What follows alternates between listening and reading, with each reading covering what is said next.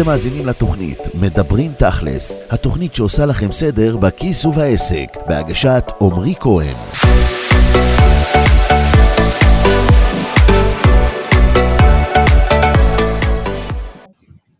שלום לכם, צופים יקרים ומאזינים יקרים ויקרות, ותודה שאתם פה איתי, איתנו, בעוד אה, סרטון. אה, יש לי הכבוד שעמרי מתארח אצלנו פעם שנייה, מאוד אהבתם את הריאיון הראשון שלנו ביחד. עמרי כהן, יזם, מנטור ומיליונר לפני גיל 30. שלום, עמרי. אהלן מיטל, כיף להיות שוב. כיף לארח אותך שוב. אני חושבת שהריאיון הראשון שלנו ביחד עשה ככה גלים טובים. ומאוד אהבו אה, גם את הנושא, גם את הכימיה בינינו, אז הנה אנחנו בראונד 2. בכיף, אולי אפילו יהיה ראונד 3, לכי תדעי. אני בעד המשכים. כן.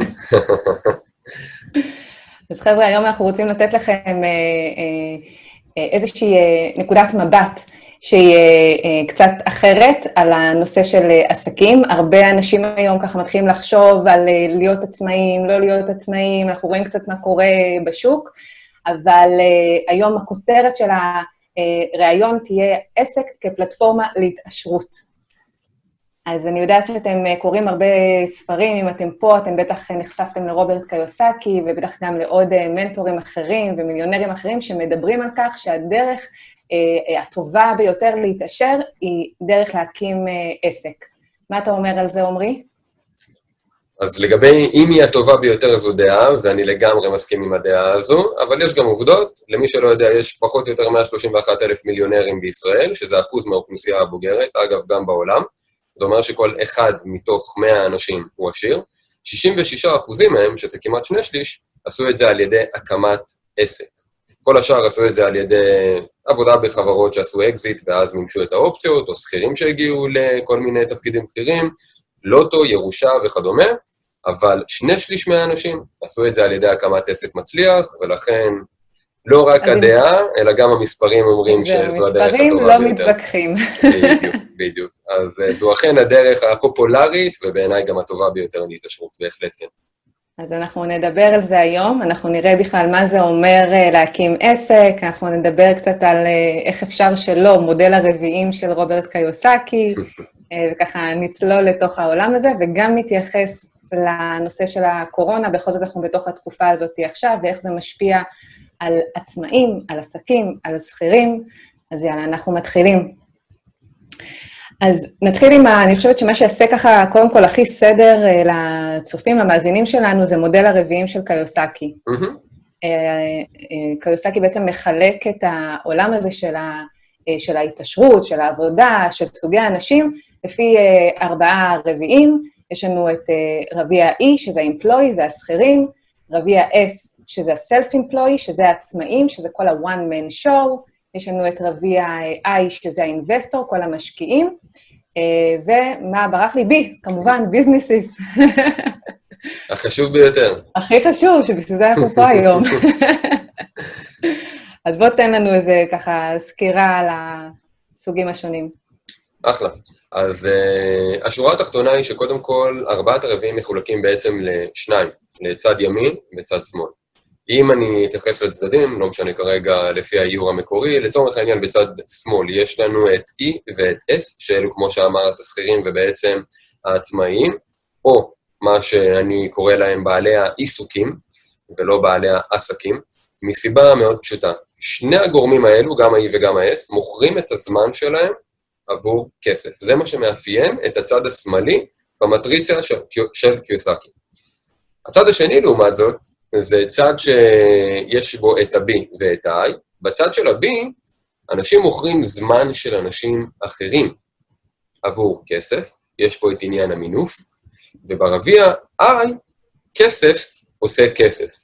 זאת אומרת שאנחנו נותנים לכסף שלנו לעבוד קשה בשבילנו, מפסיקים לעבוד קשה בעצמנו, ומקבלים הכנסה. עכשיו, ארבעת הרביעים האלו מייצגים בעצם ארבע דרכים להכניס כסף. אפשר להיות שכירים, אפשר להיות עצמאים, אפשר להיות בעלי עסקים, ואפשר להיות משקיעים. אגב, כל אחד צריך להיות משקיע, לא משנה אם הוא E או S או B. בעצם I זה הרביע האחד שכל בן אדם צריך לשייך את עצמו אליו בשלב זה או אחר, אבל השורה התחתונה היא שבעצם לא משנה באיזו דרך בן אדם מכניס כסף, הוא בהכרח יעשה זאת על ידי השתייכות לאחד מארבעת הרביעים האלו. זה הופך את ההבנה למאוד פשוטה, אני מאוד אוהב את המודל הזה. נכון. כי קודם כל, הוא פשוט, ואני תמיד בעד דברים פשוטים. שתיים, הוא עוזר לאנשים להבין איפה הם היום. שלוש, הוא עוזר לאנשים להבין לאן הם צריכים לשאוף. וזה כמובן לעבור מהצד השמאלי, של ה-E או S, לצד הימני, של ה-B וה-I. מי שעושה את המעבר הזה, ללא ספק, יהפוך לאשר. שזה נשמע מאוד פשוט לעבור מעמודה אחת לעמודה אחרת, אבל uh, בפועל יש לנו uh, דרך לעשות שמה. זה לא... אני יכול להגיד לך שיש לי סרטון שנקרא, מי שרוצה לחפש ביוטיוב, אבא עשיר אבא אני, הרעיון שהפך אותי למיליונר. הרעיון הזה של קיוסקי, ארבעת הרביעים האלו, זה אחד הרעיונות הראשונים שהתמכרתי אליו, בגיל מאוד צעיר, פחות או יותר בגיל 16 נחשפתי לזה, ואז באמת, פשוט הרעיון הזה נדבק בי, ולא יצא לי מהראש. כי כל הזמן הייתי עם שאלות לגבי איך אני עושה את המעבר הזה. איך אני עושה את המעבר מה-E וה-S ל-B וה-I, וכל פעם שקראתי ספרים או למדתי, פשוט ניסיתי לראות מה צריך כדי לעבור לדבר הזה, וזה הופך להיות מאוד פשוט, כי אם אנחנו מדברים על B לעומת S, אז ב-B אנחנו צריכים שני דברים סך הכול. אנחנו צריכים למנף את עצמנו על ידי שני גורמים. אחד, מערכת, ועוד מעט נדבר על מה זה מערכת, כי זו מילת המפתח בכל הראיון הזה שאנחנו עושים. נכון. ושתיים, זה אנשים. אנשים שיודעים לתפעל את המערכת שאנחנו בנינו, שכל התפקיד שלה זה לייצר תוצאה חיצונית ללקוחות שעובדים איתנו, בלי שאנחנו נדרשים להשקיע את הזמן, את המאמץ או את המעורבות שלנו. וזה ההבדל, אגב, בין עסק לשכיר, או לעצמאי, שהוא בעל עיסוק, כי עצמאי שמפסיק לעבוד, מפסיק בעצם את זרם ההכנסה שלו, לעומת בעל עסק שהמערכת והאנשים שמתפעלים אותם ממשיכים לעבוד גם כשהוא בחופשה, גם כשהוא ישן וגם כשהוא בכלל לא יודע מה מתנהל בעסק, בהנחה שהעסק בנוי טוב. יותר מזה, כשכירים, אה, תחשבו על זה, כמה שעות וכמה ימים יש לכם בשבוע, גם אם תעבדו 24/7, יש לכם תקרה. גם אם תהיו שכירים בכירים, יש תקרה. ברגע שאנחנו מוכרים את הזמן שלנו תמורת כסף, אנחנו באופן אוטומטי מוגבלים. וכשאנחנו יודעים למנף את הזמן של אחרים, וגם כסף של אחרים, שזה בעצם העמודה אה, הימנית או השמאלית של הרביע, אז בעצם אין, אין גבול. אין גבול למה שאנחנו יכולים לעשות. לא רק שהמגבלה היא בזמן, תחשבי גם על מספר התפקידים. כמה אנשים יכולים להיות בתפקידים הבכירים האלו? על כל מועמד אחד יש אלפי אנשים שהם לא בארגונים נכון. גדולים. אז גם, תחשבי על הסיכוי, מאוד קטן. אז לא רק העניין של הזמן, גם להגיע לשם זה מאוד קשה, והסיכוי מלכתחילה הוא נמוך מאוד. ולכן, תראי, אני לא, לא, אם אני זוכר נכון, 22, 27 אחוזים, בנוסף ל-66 אחוזים שהזכרתי. זיכרון מטורף במספרים. צילומי, כן, את יודעת, ככה זה עובד. אמ, אבל 27 אחוזים, אם אני זוכר נכון, שהם אנשים עשירים, שהם שכירים בתפקידים בכירים. זאת אומרת, זאת הדרך השנייה הכי פופולרית, בכל זאת. ואני מניחה שרובם הם גם בגילאים המבוגרים יותר, כי עד שסוללים את הדרך לצמרת... רובם המכריע, גילאים ממוצעים של 50 פלוס, וכן, את יודעת, עוד פעם, זה אנשים שלוקח הרבה מאוד שנים בדרך המסורתית להגיע לתפקידים הבכירים האלו, שמכניסים הרבה מאוד כסף, שבאמת מאפשר להם גם בסוף להתעשר. ואם נוסיף על זה אפילו עוד איזשהו נדבך, רגע, רק להגיד לכם, חבר'ה, אני לא עכשיו קוראת לכולם, תעזבו את מקומות העבודה שלכם אה, ורוצו זה, לאט-לאט תלמדו איך עושים את זה, אבל ככה רק כדי להכניס אתכם לפרספקטיבה של, של אפשרויות. ואם נסתכל רגע גם על התקופה שאנחנו נמצאים בה, על הקורונה, אם חשבנו שלהיות שכיר זה משהו שנותן לנו ביטחון כלכלי, אז מה שהקורונה הראתה לנו, היא הוציאה מיליון אנשים אה, לעולם האבטלה, גם אם זה לחל"ת ושאחר כך יחזרו, למרות שלא כולם יחזרו. אנשים שחשבו שמקום העבודה שלהם הוא בטוח, קיבלו זבנג לפרצוף. אני אומר את זה כבר הרבה זמן, שביטחון כלכלי זה משהו שבהחלט היה בעבר, אבל הוא כבר שנים, אם לא עשרות שנים, לא קיים. והקורונה באמת רק uh, עזרה לאנשים לראות ולהבין את זה באמת. הם באמת הבינו שהביטחון הכלכלי שהם חשבו שיש להם, הוא ביטחון כלכלי מדומה בלבד, אין להם שום ביטחון. ואני אומר את זה גם בספר שלי, ביטחון כלכלי אמיתי זה בן אדם שיודע איך לייצר כסף, ללא שום קשר לתנאים שהוא נמצא בהם. הוא יכול לעשות כסף מתי שהוא רוצה, איך שהוא רוצה, איפה שהוא רוצה, עם מי שהוא רוצה וכמה שהוא רוצה. זה ביטחון כלכלי אמיתי. Mm-hmm. בגלל זה את תשמעי הרבה עשירים שאומרים להם, אם עכשיו, למשל, היית מתחיל מחדש והיו לוקחים לך את הכל, כמה זמן היה לוקח לך להשיג את כל מה שהשגת? תשמעי מהם עשירית מהזמן. נכון. וגם, אגב, יש הרבה עשירים שפשטו רגל והתעשרו הרבה יותר ממה שהיה להם קודם, ולא דוגמה אחת ולא שתיים, וזאת עובדה, כי בעצם, פתאום אנחנו מבינים מה צריך לעשות כדי להגיע לאן שהגענו. שמעתי לא מזמן על אחד המשקיעים הגדולים בעולם, הפסיד איזה שני מיליארד דולר, משהו כזה. אז הוא אומר, אה, מה אתה דואג, עוד שנה יהיה לי ארבע מיליארד. זאת אומרת, זה הסדר גודל של המספרים שמדברים עליהם. עכשיו, הוא לא אומר את זה כ... את יודעת, משהו להשתחצן, לא, הוא נכון. פשוט יודע באמת מה הוא הולך לעשות כדי להשיג. כי אם הוא השיג שני מיליארד, עכשיו הוא ישיג אותם בהרבה פחות זמן, והוא גם חכם יותר, אז הוא גם ישיג הרבה יותר. זאת גם הסיבה שאם נסתכל על הצד השני של המראה הזאת, אנשים שפתאום זוכים בלוטו, מלכתחילה הם לא ידעו להתנהל נכון uh, כלכלית, אנשים שהגיעו ממעמד uh, נמוך, או אפילו בינוני נמוך, פתאום זוכים בסכום מאוד מאוד גדול, הם גומרים את הכסף מאוד מהר. יש להם כסף, אין להם הרגלים נכונים להתנהלות כלכלית טובה. בדיוק. ובגלל זה, את יודעת, זה כמו שפתאום יש לך אה, דלי, ממלאים לך אותו במים עד הסוף, אבל יש מלא חורים בדלי. אז לא יעזור כמה, כמה מים יוסיפו לך, המים תמיד יזלגו החוצה. והחורים האלו זה הרגלים רעים שיש לאנשים האלו. ההרגלים לא משתנים כשמקבלים כסף, ההרגלים פשוט ממשיכים להיות בדיוק כמו שהם היו בעבר.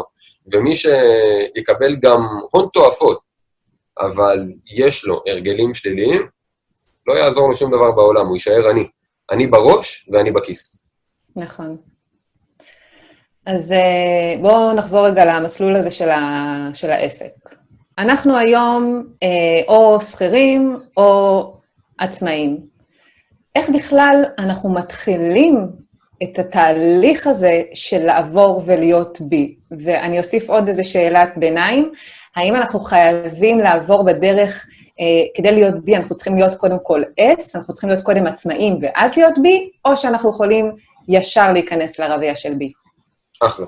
אז אני אעשה הפרדה, כי התשובה היא גם וגם. אפשר ככה ואפשר ככה, אה, אבל השאלה היא איזו דרך אה, רוצים, ותלוי גם בסוג העסק. בואי נתחיל דווקא מאלה שמלכתחילה בונים את עצמם כבי. בואי נחשוב על יזמות. יזמות במובן האמיתי והמלא שלה. יזם זה לא לצורך העניין הבן אדם, אתה יודע, העצמאי הקטן שמקים כרגע עסק וכולם חושבים עליו uh, כיזם. אני מדבר על יזם במקצוע שלו, במהות שלו. זאת אומרת, יזם זה בן אדם שיש לו רעיון, יש לו vision, הוא לא יודע להגשים אותו לבד, הוא חייב צוות של אנשים, כל אחד מומחה בתחומו, כדי mm-hmm. לגרום ל, לרעיון הזה לקרום עור וגידים, ואז הוא מגייס קודם כל את הצוות, מראה להם את ה vision, ונותן להם לעבוד כדי להגשים את החזון הזה. זה יזם שמתחיל ב-B, מלכתחילה. יש לו צוות. ואם, זהו, זה גם נקודה מאוד חשובה, שאנחנו צריכים איתנו שיהיה לנו צוות מנצח. לגמרי, כי יזם זה הבן אדם שמביא את הרעיון, זה אגב, מי שיזם בנשמה שלו נקרא לזה, זה בן אדם שפשוט יודע להסתכל על דברים ולחשוב איך הם יכולים להיות טובים יותר.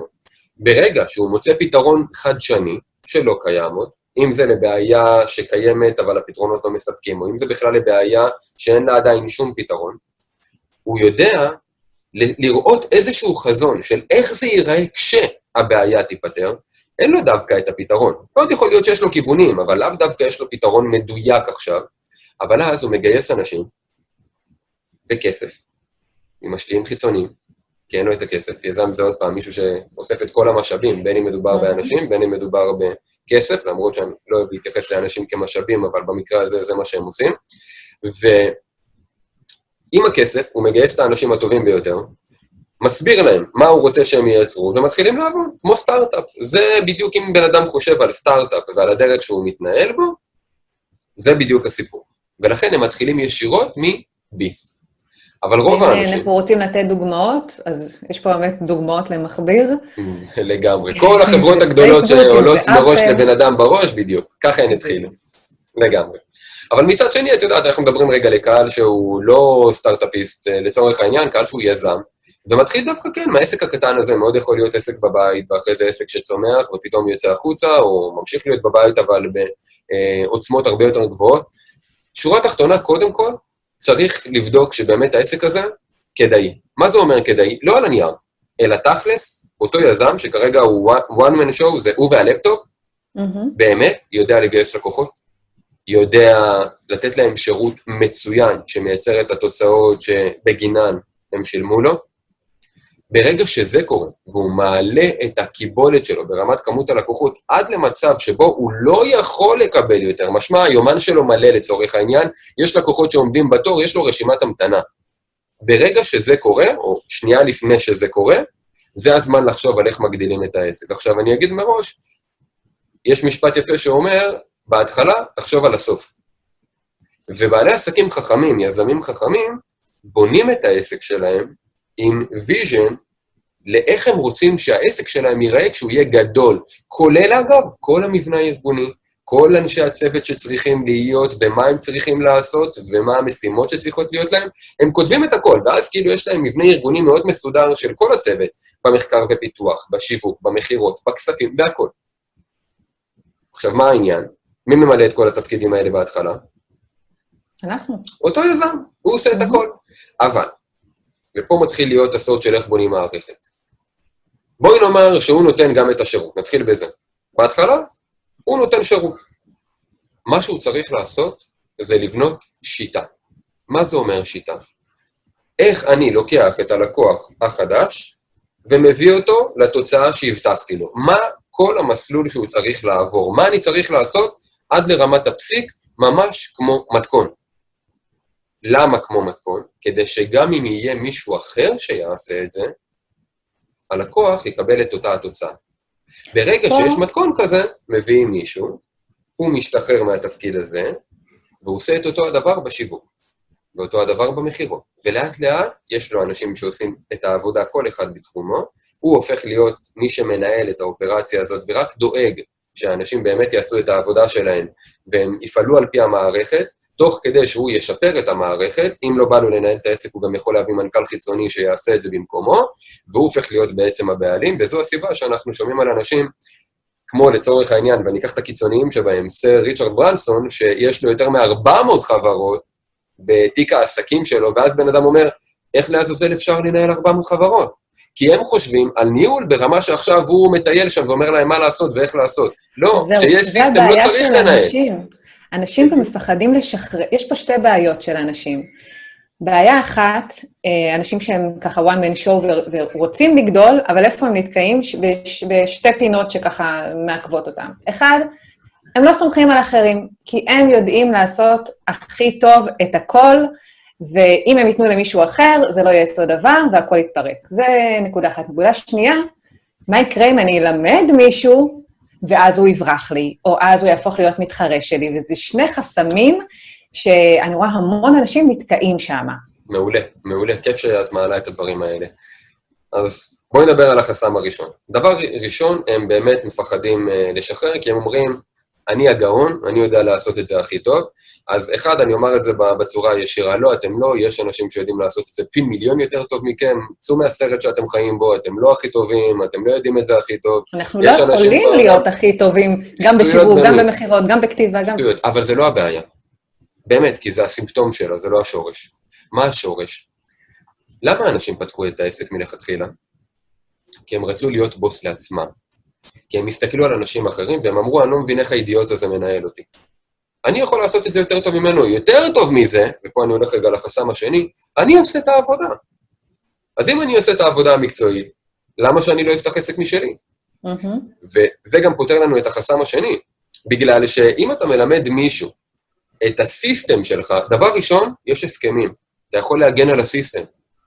דבר שני, אתה מלמד אותו רק חלק מהסיסטם, כל אחד יש לו את החלק שלו, החלק הזה לבדו לעולם לא ייצור את התוצאות שהמערכת השלמה מייצרת. נכון. אז יש דברים שאתה באמת תמיד יכול לשים, כמו מה שנקרא מידור.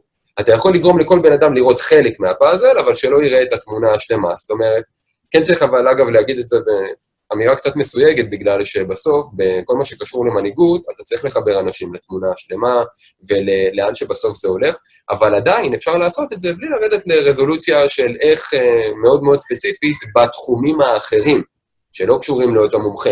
ואז אין שום בעיה, אנחנו עדיין יכולים להנהיג בצורה טובה, ומצד שני לוודא שהסיסטם שלנו הוא מוגן ו- וימשיך לעבוד נפלא, ולא משנה אם הבן אדם הזה יעזוב מתישהו, שגם זה לפעמים פחד, מה יקרה אם הוא יעזוב לי יום אחד אחרי שהכשרתי נכון. אותו. כשיש לך סיסטם, זה לא מעניין אותך, כי בפעם הבאה שיבוא מישהו חדש, תוך יומיים הוא לומד את הסיסטם הזה בצורה מדויקת, אתה חונך אותו, וה- והעבודה ממשיכה בדיוק כמו שהיא הייתה. במה זה תלוי? באיכות של הסיסטם. ככל שהמתכון יהיה מדויק יותר, מפורט יותר, ספציפי יותר, נותן מענה לכל הדברים שיכולים להשתבש בדרך, כך החפיפה הזו, או התחלופה הזו, תהיה הרבה יותר מהירה. אבל רוב האנשים אפילו לא עושים את זה. ברמה שהכל כתוב, מסודר, אה, מתומפלט. אני תמיד אומר לאנשים, מה, אומרים לי, מה המדד לסיסטם טוב? כי אני עושה אה, תהליכים עם אה, אנשים כאלו, שרוצים לשחרר את עצמם, יש להם עסק טוב. באמת, הם מכניסים עשרות אלפי, מאות אלפי שקלים בחודש, לפעמים מיליוני שקלים בחודש, והם אומרים לי, תקשיב, הבעיה היא, היא כזו, אין לי חיים. העסק השתלט לי על החיים, אני עושה הכל, יש לי צוות, אבל אני מנהל אותו עד לרמת הפסיק. אני רוצה להרוויח יותר, אבל לעבוד פחות. אני רוצה להשתחרר. ואז אני מראה להם שתכלס הם עדיין ב-S, הם לא ב-B, למרות שיש להם אנשים, אין להם system. כל התהליך שאני עושה איתם זה לבנות את ה system הזה. ואנחנו בונים system במחקר ופיתוח, וב- ובבקרה, ובניהול, ובשיווק, ובמכירות, ובכספים, ולאט לאט הם פתאום רואים איך כמות הטלפונים והמיילים פוחתת, לאט לאט הם רואים שהם יכולים לקחת הרבה יותר ימי חופש והעסק ממשיך לעבוד, וחשוב מכך, העסק אפילו צומח בלעדיהם. אחרי זה יש בעיה אחרת, כי אז הם אומרים, רגע, אז כאילו מה, לא צריכים אותי יותר? ואז אני אומר להם, עכשיו לך לדבר הבא שלך, לך תבנה עוד עסק. תקימו עוד עסק. כי זה יזמים. אבל מצד שני, יש כאלה גם שנשארים בתור המנכ"לים ועושים את העבודה, והם נהנים ומנהלים, ומה שחשוב זה שעכשיו הם יכולים לעבוד בעסק כי הם רוצים, לא כי הם חייבים. זה מה שאני אומר להם, הם תמיד מפחדים, רגע, אז מה, כאילו, עכשיו אני, לא, לא, לא יצטרכו אותי יותר בעסק? ואז אני אומר להם, תקשיבו, עכשיו, מה שזה עושה, זה שזה נותן לכם את הבחירה. אתם עכשיו יכולים לעבוד, אתם לא חייבים לעבוד. כמו בן אדם שיש לו חופש כלכלי. הוא לא. חייב לעבוד, הוא יכול לעבוד. אם הוא רוצה הוא יעבוד, ואם הוא לא רוצה הוא לא יעבוד, זה מה שזה בעצם נותן. ורוב בעלי העסקים לא חושבים בכלל על, ה- על המונחים האלו של סיסטם, הם לא חושבים על לקחת את כל העסק שלהם וכאילו להכניס אותו לקופסה כזאת, או יותר נכון לספר נהלים, עד לרמת הפסיק שהם יכולים באמת להביא למישהו, וזה המדד שרציתי לציין קודם, שאם מביאים את הספר הזה, או את ההדרכה הזו, או מה שזה לא יהיה, כי, למערכת יש הרבה מאוד פורמטים, לעובד חדש, הוא קורא את זה, הוא יודע לייצר תוצאה מדויקת בדיוק כמו שאתם רוצים, בלי שאתם צריכים להסביר לו מילה. אם אתם צריכים להסביר לו מילה, ה system לא מספיק טוב. system טוב זה system שהבן אדם לומד אותו לבדו, מייצר בזכותו את התוצאות שהוא צריך לייצר, והוא לא צריך שום סיוע, שום חניכה. זה איך עד נדע כמה ה system אמור לגייס להיות טוב. את האנשים הטובים ל system שלנו? חלק מהסיסטם זה קודם כל אה, להבין איזה תוצאות אנחנו רוצים שאותו בן אדם ייצר, ואחר כך להבין איזה תכונות וכישורים אנחנו רוצים שיהיה לבן אדם הזה. ואחרי זה אנחנו בונים ראיון שנועד לבדוק עד כמה לבן אדם שאנחנו רוצים לגייס יש את התכונות והכישורים האלו בשביל לייצר את התוצאות שאנחנו רוצים. כל תפקיד הוא מבוסס תוצאות. הרבה מאוד אנשים מגייסים על בסיס תכונות או על בסיס כישורים, שטות מוחלטת. אתה יכול לגייס גם בן הרבה אדם... אנשים אוהבים לגייס אנשים שדומים להם, שזה דווקא יכול להיות הכי גרוע. נכון, נכון. כי כל תפקיד באמת יש לו את הדברים הייחודיים שלו, ולכן אם בן אדם חושב מראש, בתמונה הראשונית של המבנה הארגוני שלו, איזה תפקידים צריכים להיות, איזה תוצאות כל תפקיד צריך לייצר, איזה כישורים ותכונות צריך שיהיה לבן אדם הזה, כדי שהוא יוכל לייצר את התוצאות האלו, ואז אנחנו מתחילים לבנות את הסיסטם, מגייסים את הבן אדם הנכון, פתאום גם לא צריך לנהל את הבן אדם. אין, אי אפשר לנהל אנשים בלי קשר.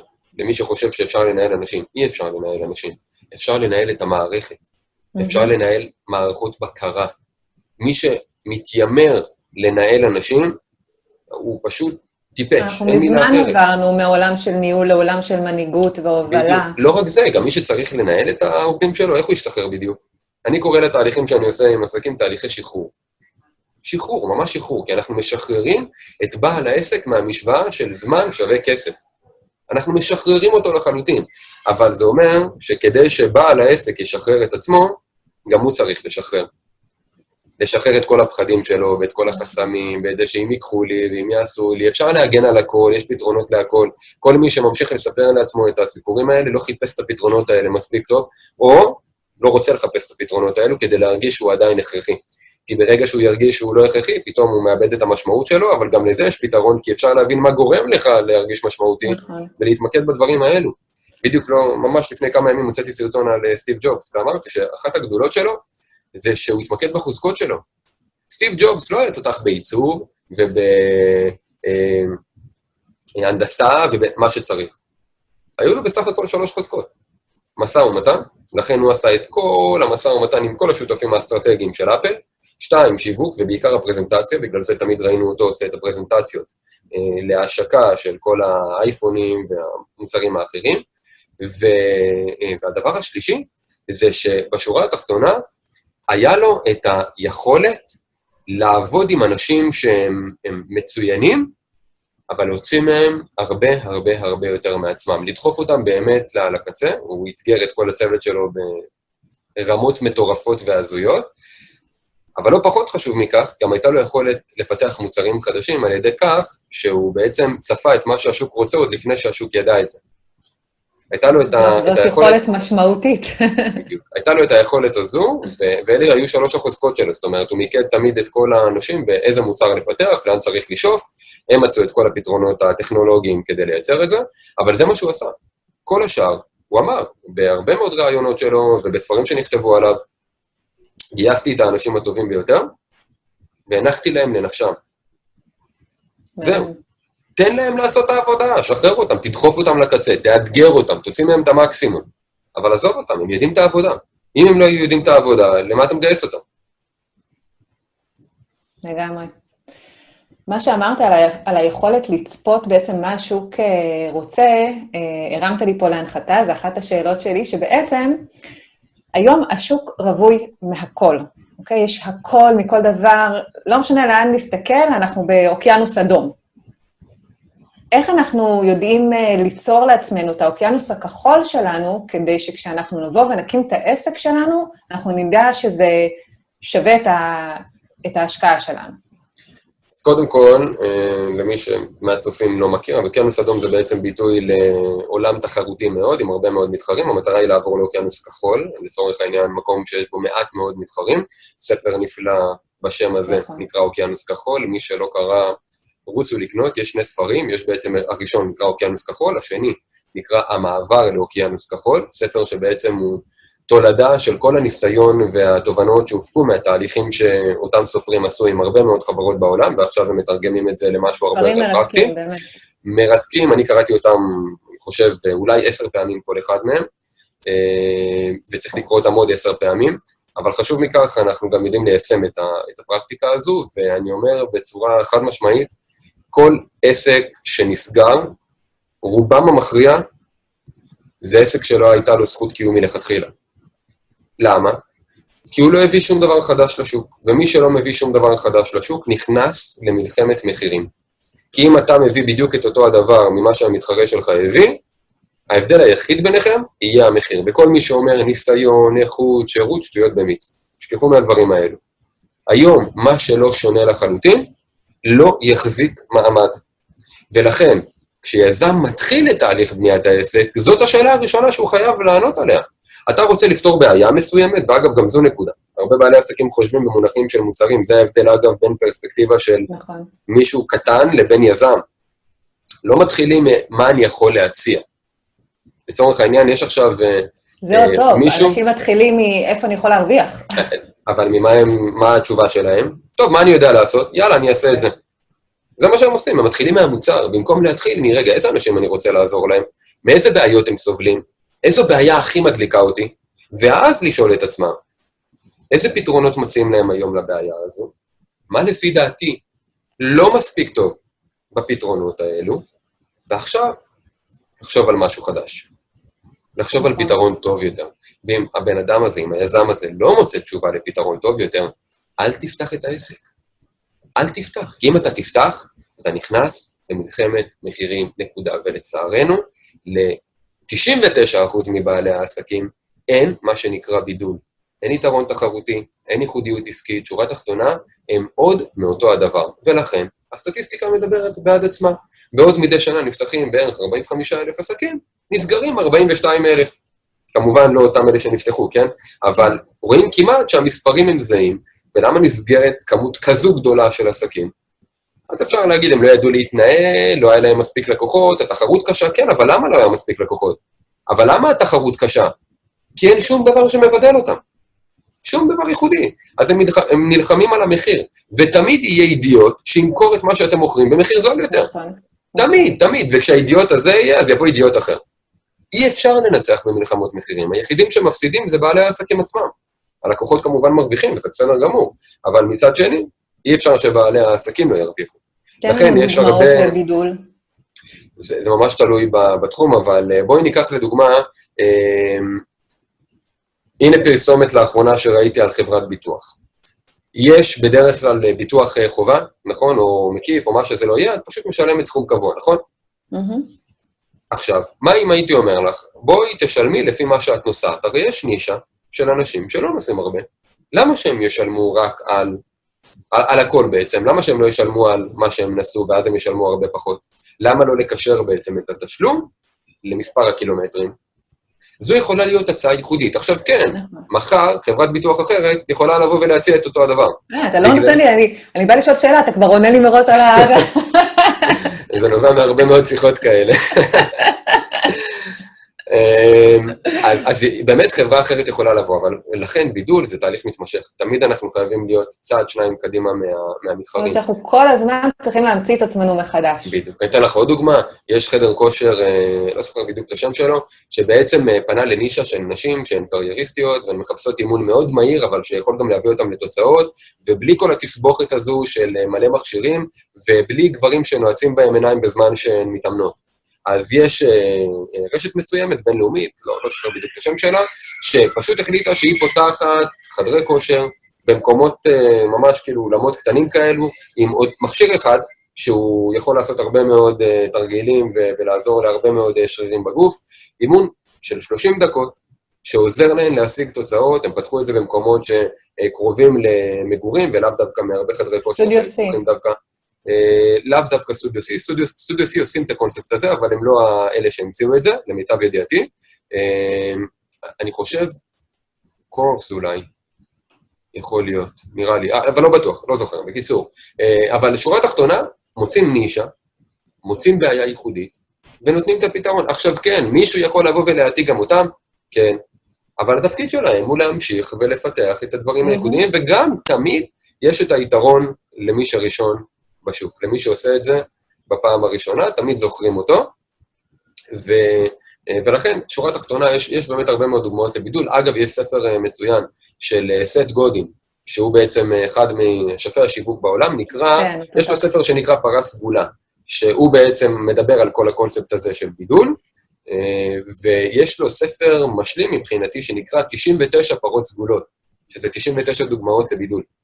וגם זה כמובן אה, מצוין, כי זה מעורר השראה, זה נותן רעיונות, אה, וזה אחלה, וגם מי שיקרא, כמו שאמרתי, את הספרים של אוקיינוס כחול, נמצא שם לא מעט רעיונות, אה, וטקטיקות גם, של איך לעשות את זה. עכשיו, אני אומר מראש, עשיתי תהליכים כאלה עם חברות, זה עבודה של ימים מהבוקר עד הלילה. מאתגר ביותר למצוא בידול אמיתי, בעל ערך ללקוחות, כזה שבאמת יחזיק לטווח הארוך, שעונה על המודל העסקי של העסק. זה העבודה, אני חושב, בעסקים, הקשה ביותר. אבל גם המתגמלת ביותר. כמעט בלתי אפשרי לעשות את זה לבד. אני חושבת שאנחנו צריכים ככה להיות בסיור מוחות עם אנשים... כשאני עושה את זה, אנחנו צוות של פחות או יותר חמישה אנשים, שעושים את התהליך הזה עם אה, לקוח אחד, זה, זה פשוט מאתגר. וכל פעם, את יודעת, יש כאילו אותי שאני מתכלל את כל התהליך, ובעצם תמיד כאילו לוקח את זה מתוך הניסיון שלי והדברים, אבל תמיד תמיד, ולא פעם ולא פעמיים, קרה לי שאיזשהו מישהו מהצוות זרק רעיון, גם אם הוא היה נראה לי כזה מאוד מאוד שטחי, אבל פתאום הרעיון הזה הקפיץ למישהו משהו, שהקפיץ לי נכון. משהו, ופתאום אנחנו... יש מאוד, אה, יש חשיבות מאוד גדולה ל mastermind הזה ולסיור מוחות הזה, בשביל לייצר בידול, אבל שוב אני אומר, הסיבה שרוב העסקים נסגרים היא כי אין להם בידול. מי שחושב על דבר אחד שהוא יכול לעשות בעסק כדי לפתוח עסק ובאמת להצליח לנטרל את עצמו מהמשוואה של תחרות ומחיר, חייב למצוא בידול. ובידול זה לא ניסיון, זה לא שירות, זה לא איכות, זה לא אמינות, זה לא כלום. בידול זה משהו שהלקוח יכול להבחין בו לפני שהוא קונה. יש הרבה אנשים אומרים לי, השיטה שלי היא בידול. הרבה מאמנים, יועצים, מטפלים, השיטה שלי היא בידול. אני שואל שאלה אחת, האם הלקוח יכול באמת להבחין בשיטה שלך לפני שהוא קונה, לפני שהוא חווה אותה, לפני שהוא ראה באמת אם היא טובה או לא? התשובה היא לא, אין בידול. מהמם. אין בידול. בידול זה משהו שהלקוח יכול להבחין בו לפני שהוא קונה. למה? כי אם הוא יכול להבחין בזה לפני שהוא קונה, זה מה שייתן לו את, ה, את הדחף ואת הרצון לקנות דווקא ממך ולא מהמתחרים שלך. וזה התפקיד היחידי של בידול, לגרום לאנשים לבחור בך ולא במתחרים שלך.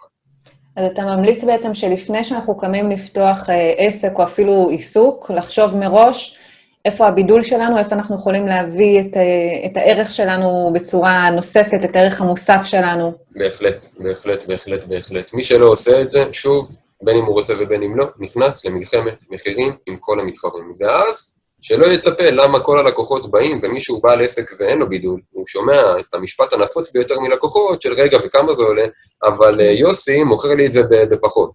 אז תעשה לי הנחה, אני... זה המשחק.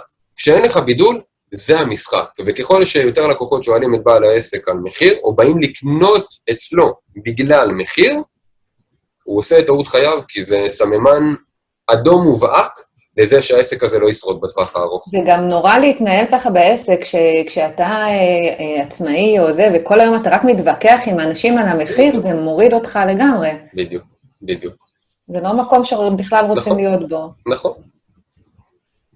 עמרי, דיברנו הרבה על איך אה, אה, לעשות אה, בעצם את ההתעשרות שלנו מלמכור את השירות או את המוצר שלנו כעסק, אבל בעצם, אה, אם הכותרת שלנו היא עסק כפלטפורמה להתעשרות, אנחנו יכולים להיעזר בעסק שלנו כדי לייצר עוד הכנסות, לאו דווקא ממה שאנחנו מוכרים. אם זה תמלוגים, נכסים דיגיטליים.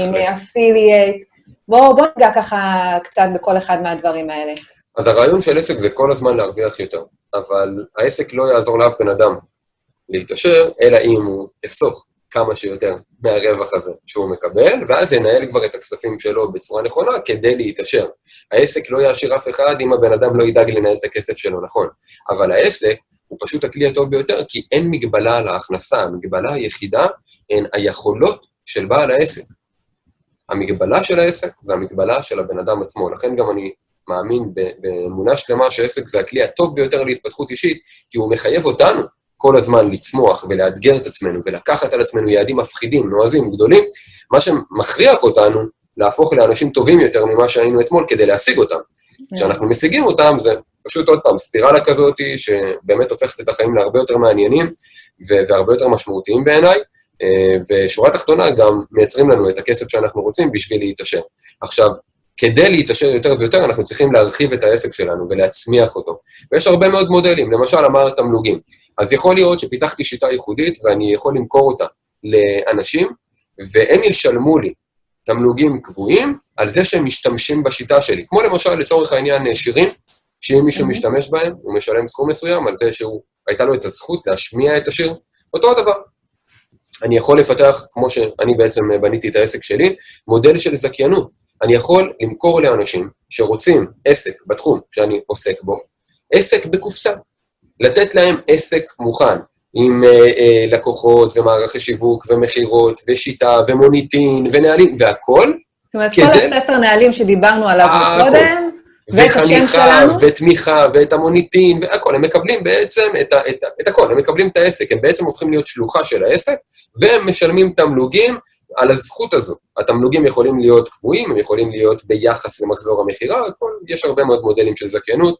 אה, בעיניי זה מודל אה, מצוין להתרחבות, אה, אבל הוא לא מתאים לכולם, יש כאלה שכן, יש כאלה שלא.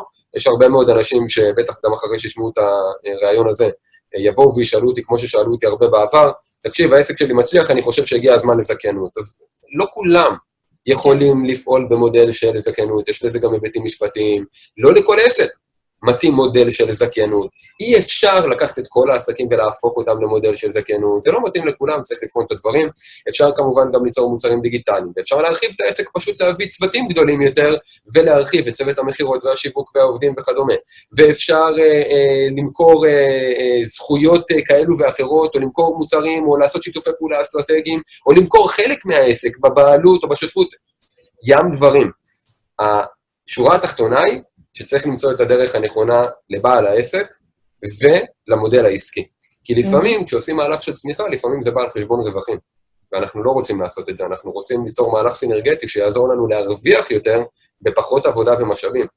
לא להרוויח יותר ביותר עבודה ומשאבים, כי זה מן הסתם הכי קל בעולם, ובטח שלא להשקיע יותר ולקבל פחות.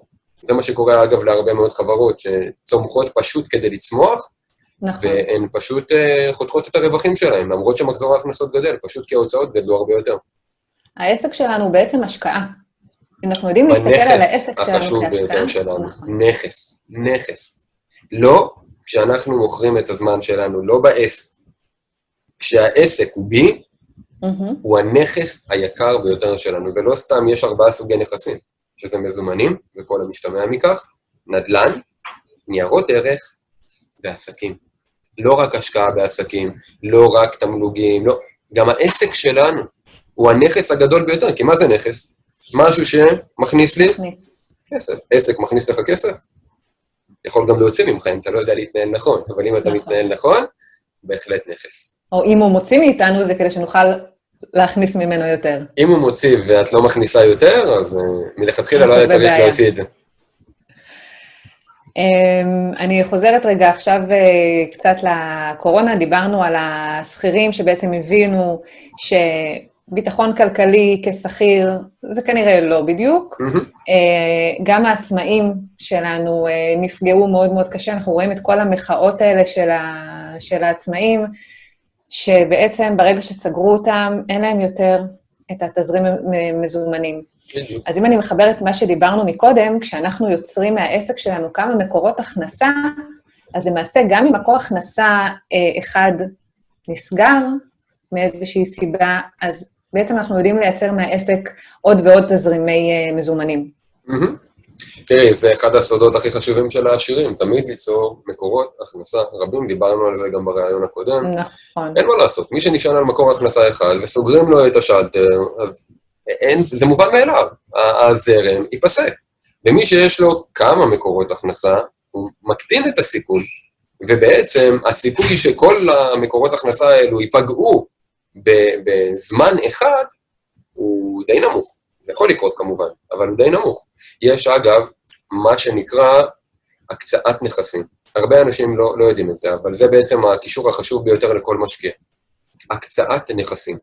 הקצאת נכסים זה אומר איך אני בעצם מחלק את ההשקעה שלי, באיזה סוגי נכסים ובאיזה חלוקה. איזה אחוז הולך לכל נכס. עכשיו, מה הגדולה של משקיעים? הם יודעים לקחת אחוז מסוים בנכס כזה ולנטרל אותו עם אחוז מסוים, אחר, לאו דווקא שווה, בנכס אחר, שלכאורה כשזה עולה, אז אולי זה, mm-hmm. זה יורד. כשזה יורד, זה עולה. אבל השורה התחתונה זה לא מגיע למצב של אפס, אלא בסוף הם מרוויחים את עליית השוק, והשוק תמיד עולה. וריי דליו, שהוא המשקיע הטוב ביותר בעולם, אה, לא רק בעיניי, אלא גם מוכתר ככזה, מדבר על זה הרבה מאוד. אגב, הוא נותן דוגמאות נפלאות ל... למה החלוקה שווה, מדברים הרבה, את יודעת, על איזון, כאילו אומרים לאנשים, טוב, הנה, תשקיע מזומנים, נדל"ן, נכסי נייר ועסקים, תשקיע, תהיה מאוזן. אז כאילו אנשים מבינים, 25% מההון שלהם להשקיע בכל אחד מארבעת הדברים האלה. כן. שטות מוחלטת. זה, נכון. זה פשוט טמטום, כי הסיכון הוא לא אותו סיכון. הסיכון של מניה הוא לא הסיכון של איגרת חוב. אז אתה לא יכול להשקיע את אותה כמות של מניות באיגרות חוב, כי פשוט למניות יהיה הרבה יותר סיכון, אגב, ריי דלי מוכיח שפי שלוש. זאת אומרת שעל כל אחוז שאתה משקיע במניה, אתה כאילו צריך להשקיע שלוש אחוז, נגיד, באיגרות חוב. כן. כדי לנטרל את הסיכון. ואז אם היה לי, נגיד, תיק, שכולו רק מניות ואיגרות חוב, אז זה אמור להיות שליש במניות ושני שליש באיגרות חוב. אבל אנשים לא מבינים את זה. אפילו, סליחה, אפילו רבע ושלושת רבעי, כדי שזה באמת יהיה חלוקה טובה יותר, אבל אפילו יש אה, אנשים קיצוניים יותר, שאומרים שאם יש תיק כזה, כדי שהסיכון יהיה שווה, תקשיבי טוב, 5 אחוז, 5 אחוזים במניות, ו-95 אחוזים באגרות חוב כדי לנטרל וואו. את הסיכון. עד כדי כך, וואו. הם אומרים שהפער בסיכון בין מניות לאגרות חוב הוא, הוא כזה עצום, וזה נכון אגב, גם ריי דליו מדבר על זה ומראה מספרים, פשוט מטורף. וואו, אני בטוחה שיש לי כבר כמה אנשים בראש, אם נשים אותם בפאנל וניתן להם את האמירה הזאת, אז יהיה, יהיה דיון מאוד סוער. לגמרי, לגמרי, אבל תשמעי, אי אפשר להתווכח עם התוצאות של ריי דליו.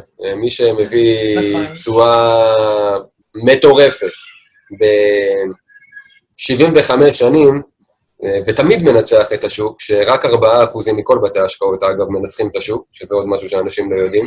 כל בתי ההשקעות למיניהם, 96 אחוזים אגב, לא מנצחים את השוק, לא מנצחים את המדד. כאילו מי שמשקיע במדד בצורה פסיבית, גם משלם פחות עמלות, גם מרוויח יותר בתשואה, נכון. אה, אבל השיווק של בתי ההשקעות עושה את שלו, ובגלל זה רוב האנשים משקיעים שם, אבל מפסידים הרבה יותר ממה שהם חושבים. אז אה, השורה התחתונה היא שמי שלא לומד את הדברים האלו, בין אם זה בכסף, בין אם זה בעסקים, מה שהוא לא יודע שהוא לא יודע, בהכרח פוגע בו. נכון, נכון מאוד. וואו, דיברנו uh, על כל כך הרבה דברים בריאיון הזה, ואם uh, אנחנו רוצים ככה לסכם את כל הקונספט הזה של עסק, uh, פלטפורמה להתעשרות, uh, מה הם, תן לנו איזה שלוש highlights שככה היית רוצה שאיתם אה, נסיים. אז דבר ראשון, להתחיל מהסוף. זאת אומרת שבעל עסק, בין אם עכשיו הוא חושב לפתוח עסק, בין אם מדובר על מישהו שיש לו כבר עסק קיים אבל מדשדש, ובטח אם מדובר פה על בעל עסק שיש לו עסק מצליח אבל אין לו חיים, אז בשלושת המקרים האלו, מה שאני ממליץ זה להתחיל לחשוב מהסוף. תתחילו עם הדבר הלכאורה משעמם, שנקרא מבנה ארגוני, פשוט שימו על הנייר איך אתם רוצים שהעסק שלכם ייראה במצב שיא ההצלחה שלו. מה שנקרא, שימו את החזון שלכם במבנה ארגוני. תגדירו תפקידים. תגדירו תוצאות לכל בעל תפקיד. אחר כך אפשר לחשוב גם על כישורים ותכונות ספציפיות כדי לגייס את הבן אדם, אבל תתחילו מהמבנה הארגוני. קודם כל, זה יעזור לכם להבין מה, אה, לאן אתם בעצם שואפים בכלל. מה אתם צריכים לעשות כדי להגיע לשם? זה דבר ראשון. זה בדיוק כמו שעושים אה, בעצם בניהול של כלכלת המשפחה. זה תמיד. קודם כל להגדיר נכון. לאן אנחנו רוצים להגיע. ילדים, מטרות, נכון, כמו כל דבר בחיים, בדיוק. הדבר השני, זה כל הזמן להיות עם ה mindset של בניית מערכת. כל דבר שאתם עושים, בעסק שלכם, תתחילו לחשוב בצ'קליסטים, הדרכות, ספר נהלים, פורמטים, ממוחשבים או לא ממוחשבים, אה, תבניות למיניהן, כל דבר שאתם עושים, תתחילו לחשוב על יום אחד יהיה מישהו אחר שיעשה את זה במקומי, איך אני הולך לעשות לו את החיים הקלים ביותר שאפשר. ולא להתעצל, כאילו לשבת, לכתוב, לתת את הזמן. זאת עבודה על העסק. רוב בעלי העסקים עובדים בעסק בשגרה, השגרה שואבת, הם לא מתקדמים, הם לא בונים את העסק, הם לא מצמיחים אותו. חייבים לשריין זמן. טקטיקה, מלא טקטיקה ולא אסטרטגיה. בדיוק. וחייבים לשריין זמן. אנשים אומרים לי, אבל מה לעשות, היומן שלי מלא. יופי, מה לגבי למלא את היומן שלך בפגישה עם עצמך? שים פגישה עם עצמך, תעבוד על העסק, כי אם לא, הרי הלופ הזה תמשיך, ימשיך כל הזמן.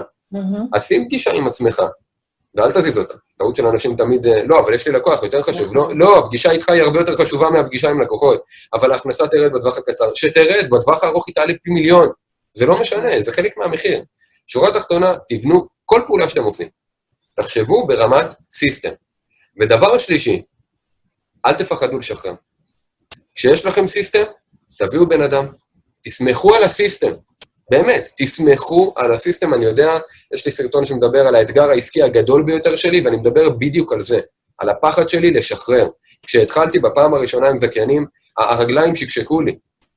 אני באמת אמרתי לעצמי, כמה טעויות הולכות להיות. אבל ידעתי לסמוך על ה system, והוא היה אז הרבה פחות מדויק ממה שהוא היום, כי תמיד הוא מתעדכן. אבל להגיד לך שלא היו טעויות, היו. להגיד לך שזה לא עלה לי הרבה מאוד כסף, עלה. אבל להגיד לך שהיום אני מתחרט על זה, ושהתגמולים הם אה, לא, לא כדאיים ביחס למה ששילמתי? ברור שלא. ברור שאני קוצר פירות ברמה הכי טובה שיכולה להיות מהדבר הזה. ולכן אני אומר, לא לפחד לשחרר. חוץ מזה, תזכרו, אתם לא הולכים להביא את כל הצוות ביום אחד. אתם הולכים להביא אחד-אחד. Mm-hmm. מקסימום, זה לא עובד הנכון, שחררו, תביאו מישהו אחר. אבל זה יעבוד. ודבר אחרון, אמרת שלוש, אני אגיד ארבע, יאללה. אל תחשבו שאתם היחידים שיודעים לעשות את העבודה הכי טוב. צאו מהסרט הזה. יש אנשים שיודעים לעשות את העבודה הכי טוב מכם, תבינו במה אתם טובים, תחזקו את החוזקות, אבל גם תהיו מספיק צנועים וענבים כדי לדעת במה אתם לא טובים, ותנצחו את זה על ידי האנשים שאלה החוזקות שלהם. זאת הדרך היחידה לנצח בעסקים, ועסקים זה משחק קבוצתי. מי שלא מבין את זה, יבין את זה במוקדם או במאוחר, אבל זאת עובדה. זה אחד הדברים שאני רואה שחוזר על עצמו בהמון ספרים, גם בחשוב והתעשר וגם אצל קיוסקי, כל הנושא הזה של צוות מנצח, של שילוב כוחות, בלי זה אנחנו לא נוכל לנסוק למעלה. בהחלט, בהחלט. חוץ מזה שזה, אתה יודע, טכנית, מינוף. אנחנו חייבים למנף את עצמנו, אז כשאנחנו עובדים, זה יחס של אחד לאחד. כשיש לנו יכולת להביא עוד אנשים, היחס הזה גדל, וזה מה שמאפשר באמת לעסקים להרוויח יותר, לצמוח, לנו כמובן, נכון. לחסוך יותר, ובעצם להאיץ את הקצב של תהליך ההתעשרות שלנו, שזה כל נושא הראיון שלנו. אז ככה העסק יכול באמת להיות פלטפורמה להתעשרות. התהליך הוא מורכב, הוא קשה, הוא מאתגר, אבל אה, שוב, אני תמיד ממליץ, את יודעת, מי שלא יודע לעשות את זה לבד, קצר את הדרך, קח מנטור, קח מישהו נכון. שעשה את זה, לכל, לא רק בעסקים, בכלל, כל דבר נכון. בחיים.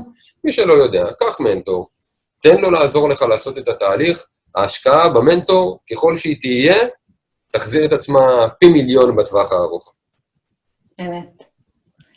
עמרי, תודה רבה רבה. בכיף.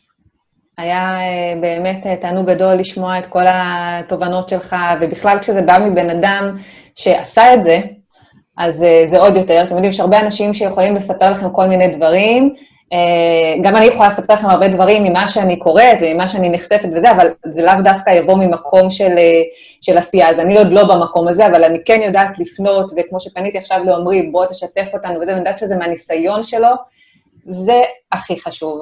אז אה, זה באמת מתחבר לטיפ האחרון ככה שעומרי נתן, איפה שאתם לא יודעים, ואין לכם באמת את האנשי מקצוע שעברו את זה, לכו תחפשו את אלו שכן, תקבלו מהם את התובנות. תקבלו מהם את ההכוונה, שווה את הכל. לגמרי. תראי, גם אפשר לזהות את זה בקלות, כי קחי לצורך, הרי את יודעת, דיברנו על דברים, אמרתי לך משהו, ואז המשכתי ב, לכאורה בנושאים נוספים, ואז אמרת לי, כאילו, לקחת לי את השאלה, ככה אפשר לזהות בן אדם שבאמת עבר את זה. כי מי שהוא מנטור אמיתי ולא מזויף, אז הוא יודע להגיד לך מה יקרה הלאה. הוא היה שם. הוא כאילו יכול לצפות את אוקיי. העתיד. והתשובות שלו לא יהיו תשובות נקודתיות לשאלה שלך, כמו שכאילו היית מקבלת אם היית קוראת ספר. התשובות שלו יהיו מקיפות, כולל מה עלול להשתבש, כולל הוא יוסיף לך כל מיני דברים שלא חשבת עליהם בכלל. זה הכי חשוב. בדיוק, וזה מנטור אמיתי, כי את זה יכול לתת רק מישהו שעבר את זה. כל השאר יכולים לתת uh, עצות שטחיות לחלוטין, אבל אז כששואלים אותם שאלות, הם פתאום נעלמים דום, ולא יודעים להגיד לך מה לעשות, כי זה לצערם לא היה כתוב בספר. נכון. אז תודה רבה רבה. בכיף, היה לי לעונג. כנ"ל, ואני בטוחה שגם לכם, אז תנו לייק ותשתפו ותגיבו לנו למטה, אנחנו מאוד אוהבים כשאתם כותבים לנו, זה נותן לנו הרבה drive להמשיך ולהעלות לכם את התוכן האיכותי הזה. אמ, ואני מקווה שבאמת נתראה בעוד סרטון ובדברים אחרים. בהחלט. וגם אתכם, חבר'ה יקרים, תמשיכו לצפות, גם אצלי בערוץ, גם אצל עמרי. אני משאירה לכם גם פה בסרטון הזה לינק לערוץ של אה, עמרי ולספרים של עמרי, שגם שם יש הרבה דברים ממש ממש שווים וכדאי לקרוא. תודה רבה. בשמחה, יום מצוין לכולם. להתראות. סרטון, אה, יש לי הכבוד שעמרי מתארח אצלנו פעם שנייה, מאוד אהבתם את הריאיון הראשון שלנו ביחד. עמרי כהן, יזם, מנטור ומיליונר לפני גיל 30. שלום, עמרי. אהלן מיטל, כיף להיות שוב. כיף לארח אותך שוב. אני חושבת שהריאיון הראשון שלנו ביחד אה, עשה ככה גלים טובים, ומאוד אהבו אה, גם את הנושא, גם את הכימיה בינינו, אז הנה אנחנו בראונד 2. בכיף, אולי אפילו יהיה ראונד טרי, לכי תדעי. אני בעד המשכים. כן. אז חבר'ה, היום אנחנו רוצים לתת לכם אה, אה, אה, איזושהי נקודת מבט שהיא קצת אחרת על הנושא של עסקים. הרבה אנשים היום ככה מתחילים לחשוב על להיות עצמאים, לא להיות עצמאים, אנחנו רואים קצת מה קורה בשוק, אבל היום הכותרת של הראיון תהיה עסק כפלטפורמה להתעשרות. אז אני יודעת שאתם אה, קוראים הרבה ספרים, אם אתם פה, אתם בטח נחשפתם לרוברט קיוסקי, ובטח גם לעוד אה, מנטורים אחרים ומיליונרים אחרים שמדברים על כך שהדרך אה, הטובה ביותר להתעשר היא דרך להקים עסק. מה אתה אומר על זה, עמרי? אז לגבי אם היא הטובה ביותר זו דעה, ואני לגמרי מסכים עם הדעה הזו, אבל יש גם עובדות. למי שלא יודע, יש פחות או יותר 131 אלף מיליונרים בישראל, שזה אחוז מהאוכלוסייה הבוגרת, אגב, גם בעולם. זה אומר שכל אחד מתוך 100 אנשים הוא עשיר. 66 אחוזים מהם, שזה כמעט שני שליש, עשו את זה על ידי הקמת עסק. כל השאר עשו את זה על ידי עבודה בחברות שעשו אקזיט ואז מימשו את האופציות, או שכירים שהגיעו לכל מיני תפקידים בכירים, לוטו, ירושה וכדומה, אבל שני שליש מהאנשים עשו את זה על ידי הקמת עסק מצליח, ולכן לא רק הדעה, אלא גם המספרים אומרים שזו הדרך הטובה ביותר. המספרים לא מתווכחים. בדיוק, בדיוק. אז אה, זו אכן הדרך הפופולרית, ובעיניי גם הטובה ביותר להתעשרות, בהחלט כן. אז אנחנו נדבר על זה היום, אנחנו נראה בכלל מה זה אומר אה, להקים עסק, אנחנו נדבר קצת על אה, איך אפשר שלא, מודל הרביעים של רוברט קיוסקי, וככה נצלול לתוך העולם הזה, וגם נתייחס לנושא של הקורונה, בכל זאת אנחנו בתוך התקופה הזאת עכשיו, ואיך זה משפיע על עצמאים, על עסקים, על שכירים. אז יאללה, אנחנו מתחילים.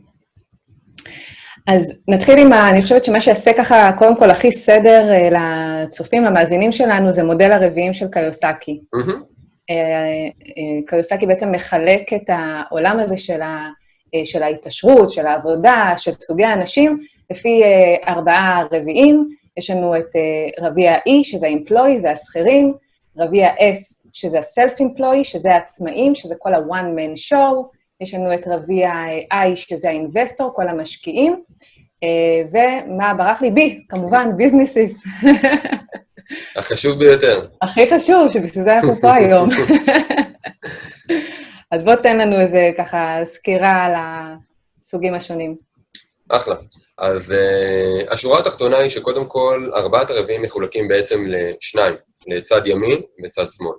אם אני אתייחס לצדדים, לא משנה כרגע לפי האיור המקורי, לצורך העניין בצד שמאל יש לנו את E ואת S, שאלו כמו שאמרת השכירים ובעצם העצמאיים, או מה שאני קורא להם בעלי העיסוקים, ולא בעלי העסקים, מסיבה מאוד פשוטה. שני הגורמים האלו, גם ה-E וגם ה-S, מוכרים את הזמן שלהם עבור כסף. זה מה שמאפיין את הצד השמאלי במטריציה של, של קיוסקי. הצד השני, לעומת זאת, זה צד שיש בו את ה-B ואת ה-I. בצד של ה-B, אנשים מוכרים זמן של אנשים אחרים עבור כסף, יש פה את עניין המינוף, וברביע I, כסף עושה כסף. זאת אומרת שאנחנו נותנים לכסף שלנו לעבוד קשה בשבילנו, מפסיקים לעבוד קשה בעצמנו, ומקבלים הכנסה. עכשיו, ארבעת הרביעים האלו מייצגים בעצם ארבע דרכים להכניס כסף. אפשר להיות שכירים, אפשר להיות עצמאים, אפשר להיות בעלי עסקים, ואפשר להיות משקיעים. אגב, כל אחד צריך להיות משקיע, לא משנה אם הוא E או S או B. בעצם I זה הרביע האחד שכל בן אדם צריך לשייך את עצמו אליו בשלב זה או אחר, אבל השורה התחתונה היא שבעצם לא משנה באיזו דרך בן אדם מכניס כסף, הוא בהכרח יעשה זאת על ידי השתייכות לאחד מארבעת הרביעים האלו. זה הופך את ההבנה למאוד פשוטה, אני מאוד אוהב את המודל הזה, נכון. כי קודם כל הוא פשוט, ואני תמיד בעד דברים פשוטים. שתיים, הוא עוזר לאנשים להבין איפה הם היום. שלוש, הוא עוזר לאנשים להבין לאן הם צריכים לשאוף. וזה כמובן לעבור מהצד השמאלי, של ה-E או ה-S, לצד הימני, של ה-B וה-I. מי שעושה את המעבר הזה, ללא ספק, יהפוך לאשר. שזה נשמע מאוד פשוט לעבור מעמודה אחת לעמודה אחרת, אבל uh, בפועל יש לנו uh, דרך לעשות שמה. זה לא... אני יכול להגיד לך שיש לי סרטון שנקרא, מי שרוצה לחפש ביוטיוב, אבא עשיר אבא אני, הרעיון שהפך אותי למיליונר. הרעיון הזה של קיוסקי, ארבעת הרביעים האלו, זה אחד הרעיונות הראשונים שהתמכרתי אליו, בגיל מאוד צעיר, פחות או יותר בגיל 16 נחשפתי לזה, ואז באמת, פשוט הרעיון הזה נדבק בי, ולא יצא לי מהראש, כי כל הזמן הייתי עם שאלות לגבי איך אני עושה את המעבר הזה. איך אני עושה את המעבר מה-E וה-S ל-B וה-I, וכל פעם שקראתי ספרים או למדתי, פשוט ניסיתי לראות מה צריך כדי לעבור לדבר הזה, וזה הופך להיות מאוד פשוט, כי אם אנחנו מדברים על B לעומת S, אז ב-B אנחנו צריכים שני דברים סך הכל. אנחנו צריכים למנף את עצמנו על ידי שני גורמים. אחד, מערכת, ועוד מעט נדבר על מה זה מערכת, כי זו מילת המפתח בכל הראיון הזה שאנחנו עושים. נכון. ושתיים, זה אנשים. אנשים שיודעים לתפעל את המערכת שאנחנו בנינו, שכל התפקיד שלה זה לייצר תוצאה חיצונית ללקוחות שעובדים איתנו, בלי שאנחנו נדרשים להשקיע את הזמן, את המאמץ או את המעורבות שלנו. וזה ההבדל, אגב, בין עסק לשכיר, או לעצמאי, שהוא בעל עיסוק, כי עצמאי שמפסיק לעבוד, מפסיק בעצם את זרם ההכנסה שלו, לעומת בעל עסק שהמערכת והאנשים שמתפעלים אותם ממשיכים לעבוד גם כשהוא בחופשה, גם כשהוא ישן וגם כשהוא בכלל לא יודע מה מתנהל בעסק, בהנחה שהעסק בנוי טוב. יותר מזה, כשכירים, אה, תחשבו על זה, כמה שעות וכמה ימים יש לכם בשבוע, גם אם תעבדו 24/7, יש לכם תקרה. גם אם תהיו שכירים בכירים, יש תקרה. ברגע שאנחנו מוכרים את הזמן שלנו תמורת כסף, אנחנו באופן אוטומטי מוגבלים. וכשאנחנו יודעים למנף את הזמן של אחרים, וגם כסף של אחרים, שזה בעצם העמודה אה, הימנית או השמאלית של הרביע, אז בעצם אין, אין גבול. אין גבול למה שאנחנו יכולים לעשות. לא רק שהמגבלה היא בזמן, תחשבי גם על מספר התפקידים. כמה אנשים יכולים להיות בתפקידים הבכירים האלו? על כל מועמד אחד יש אלפי אנשים שהם לא בארגונים נכון. גדולים. אז גם, תחשבי על הסיכוי, מאוד קטן. אז לא רק העניין של הזמן, גם להגיע לשם זה מאוד קשה, והסיכוי מלכתחילה הוא נמוך מאוד. ולכן, תראי, אני לא, לא, אם אני זוכר נכון, 22, 27 אחוזים, בנוסף ל-66 אחוזים שהזכרתי. זיכרון מטורף במספרים. צילומי, כן, את יודעת, ככה זה עובד. אמ, אבל 27 אחוזים, אם אני זוכר נכון, שהם אנשים עשירים, שהם שכירים בתפקידים בכירים. זאת אומרת, זאת הדרך השנייה הכי פופולרית, בכל זאת. ואני מניחה שרובם הם גם בגילאים המבוגרים יותר, כי עד שסוללים את הדרך לצמרת... רובם המכריע, גילאים ממוצעים של 50 פלוס, אה, וכן, את יודעת, עוד פעם, זה אנשים שלוקח הרבה מאוד שנים בדרך המסורתית להגיע לתפקידים הבכירים האלו, שמכניסים הרבה מאוד כסף, שבאמת מאפשר להם גם בסוף להתעשר. ואם נוסיף על זה אפילו עוד איזשהו נדבך, רגע, רק להגיד לכם, חבר'ה, אני לא עכשיו קוראת לכולם, תעזבו את מקומות העבודה שלכם אה, ורוצו זה, לאט-לאט תלמדו איך עושים את זה, אבל ככה רק כדי להכניס אתכם לפרספקטיבה של, של אפשרויות. ואם נסתכל רגע גם על התקופה שאנחנו נמצאים בה, על הקורונה, אם חשבנו שלהיות שכיר זה משהו שנותן לנו ביטחון כלכלי, אז מה שהקורונה הראתה לנו, היא הוציאה מיליון אנשים אה, לעולם האבטלה, גם אם זה לחל"ת ושאחר כך יחזרו, למרות שלא כולם יחזרו. אנשים שחשבו שמקום העבודה שלהם הוא בטוח, קיבלו זבנג לפרצוף. אני אומר את זה כבר הרבה זמן, שביטחון כלכלי זה משהו שבהחלט היה בעבר, אבל הוא כבר שנים, אם לא עשרות שנים, לא קיים, והקורונה באמת רק uh, עזרה לאנשים לראות ולהבין את זה באמת. הם באמת הבינו שהביטחון הכלכלי שהם חשבו שיש להם, הוא ביטחון כלכלי מדומה בלבד, אין להם שום ביטחון. ואני אומר את זה גם בספר שלי, ביטחון כלכלי אמיתי זה בן אדם שיודע איך לייצר כסף, ללא שום קשר לתנאים שהוא נמצא בהם. הוא יכול לעשות כסף מתי שהוא רוצה, איך שהוא רוצה, איפה שהוא רוצה, עם מי שהוא רוצה וכמה שהוא רוצה. זה ביטחון כלכלי אמיתי. Mm-hmm. בגלל זה את תשמעי הרבה עשירים שאומרים להם, אם עכשיו, למשל, היית מתחיל מחדש והיו לוקחים לך את הכל, כמה זמן היה לוקח לך להשיג את כל מה שהשגת? תשמעי מהם עשירית מהזמן. נכון. וגם, אגב, יש הרבה עשירים שפשטו רגל והתעשרו הרבה יותר ממה שהיה להם קודם, ולא דוגמה אחת ולא שתיים, וזאת עובדה, כי בעצם פתאום אנחנו מבינים מה צריך לעשות כדי להגיע לאן שהגענו. שמעתי לא מזמן על אחד המשקיעים הגדולים בעולם, הפסיד איזה שני מיליארד דולר, משהו כזה. אז הוא אומר, אה, מה אתה דואג, עוד שנה יהיה לי 4 מיליארד. זאת אומרת, זה הסדר גודל של המספרים שהם מדברים עליהם. עכשיו, הוא לא אומר את זה כ... את יודעת, משהו להשתחצן, או... לא, הוא פשוט יודע באמת מה הוא הולך לעשות כדי להשיג. כי אם הוא השיג 2 מיליארד, עכשיו הוא ישיג אותם בהרבה פחות זמן, והוא גם חכם יותר, אז הוא גם ישיג הרבה יותר. זאת גם הסיבה שאם נסתכל על הצד השני של המראה הזאת, אנשים שפתאום זוכים בלוטו, מלכתחילה הם לא ידעו להתנהל נכון uh, כלכלית, אנשים שהגיעו ממעמד uh, נמוך, או אפילו בינוני נמוך, פתאום זוכים בסכום מאוד מאוד גדול, הם גומרים את הכסף מאוד מהר. יש להם כסף, אין להם הרגלים נכונים להתנהלות כלכלית טובה. בדיוק. ובגלל זה, את יודעת, זה כמו שפתאום יש לך אה, דלי, ממלאים לך אותו במים עד הסוף, אבל יש מלא חורים בדלי. אז לא יעזור כמה, כמה מים יוסיפו לך, המים תמיד יזלגו החוצה.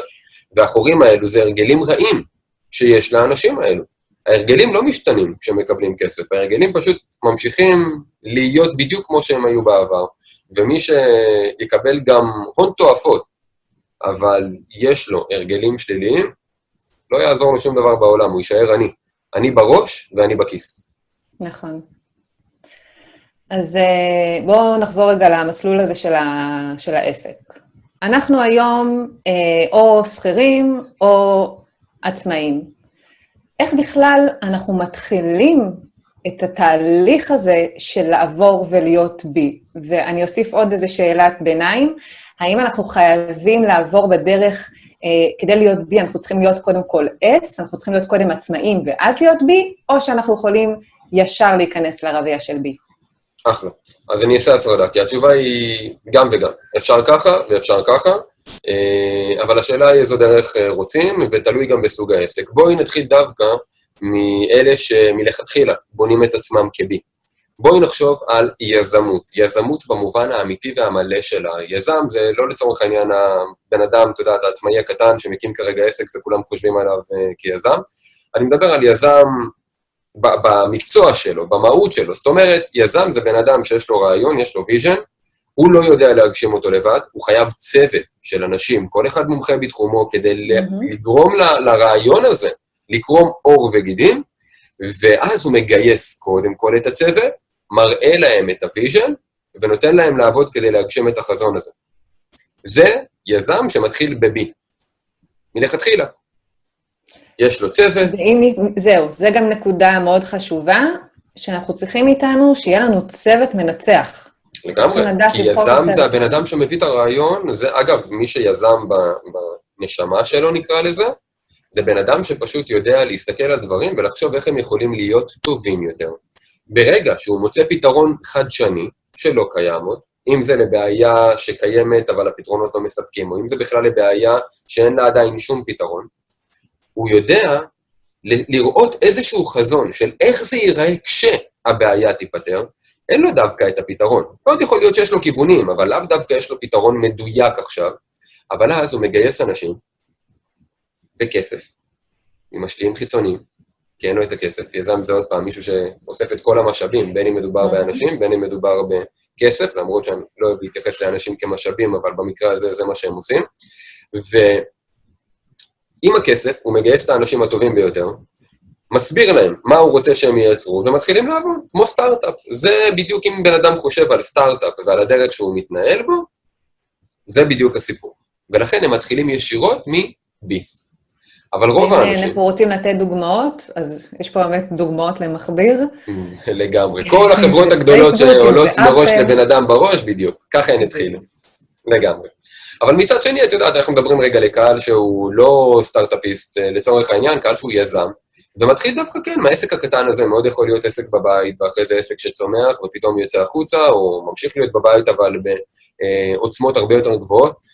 שורה תחתונה, קודם כל, צריך לבדוק שבאמת העסק הזה כדאי. מה זה אומר כדאי? לא על הנייר, אלא תכלס, אותו יזם, שכרגע הוא one man show, זה הוא והלפטופ, mm-hmm. באמת יודע לגייס לקוחות, יודע לתת להם שירות מצוין, שמייצר את התוצאות שבגינן הם שילמו לו, ברגע שזה קורה, והוא מעלה את הקיבולת שלו ברמת כמות הלקוחות עד למצב שבו הוא לא יכול לקבל יותר, משמע היומן שלו מלא לצורך העניין, יש לקוחות שעומדים בתור, יש לו רשימת המתנה.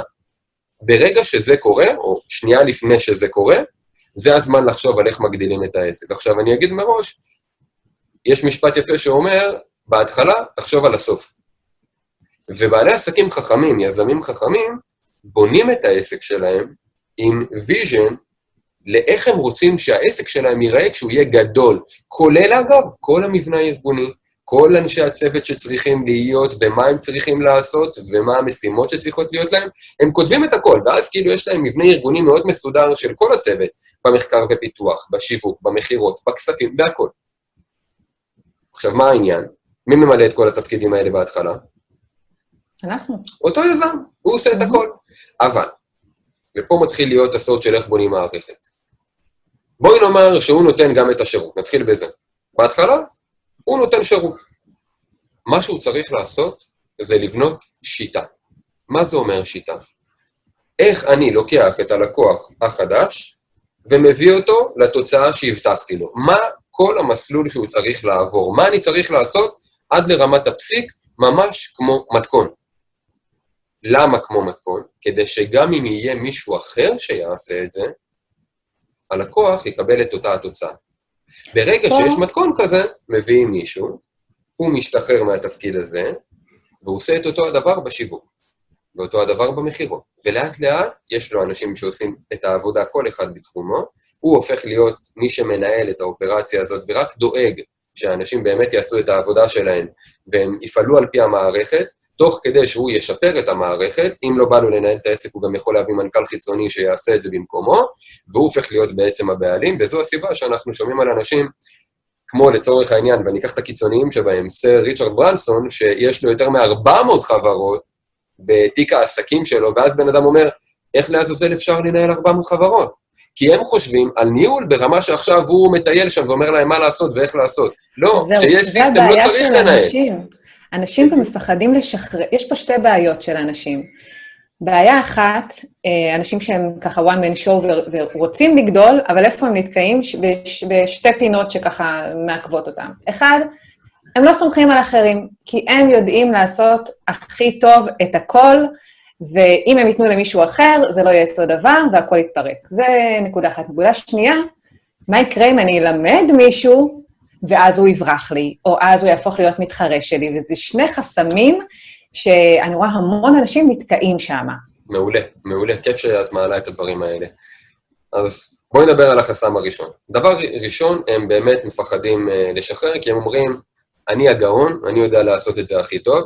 אז אחד, אני אומר את זה בצורה הישירה, לא, אתם לא, יש אנשים שיודעים לעשות את זה פי מיליון יותר טוב מכם, צאו מהסרט שאתם חיים בו, אתם לא הכי טובים, אתם לא יודעים את זה הכי טוב. אנחנו לא יכולים ב... להיות הכי טובים, גם בשיווק, גם במכירות, גם בכתיבה, גם... שטויות, אבל זה לא הבעיה.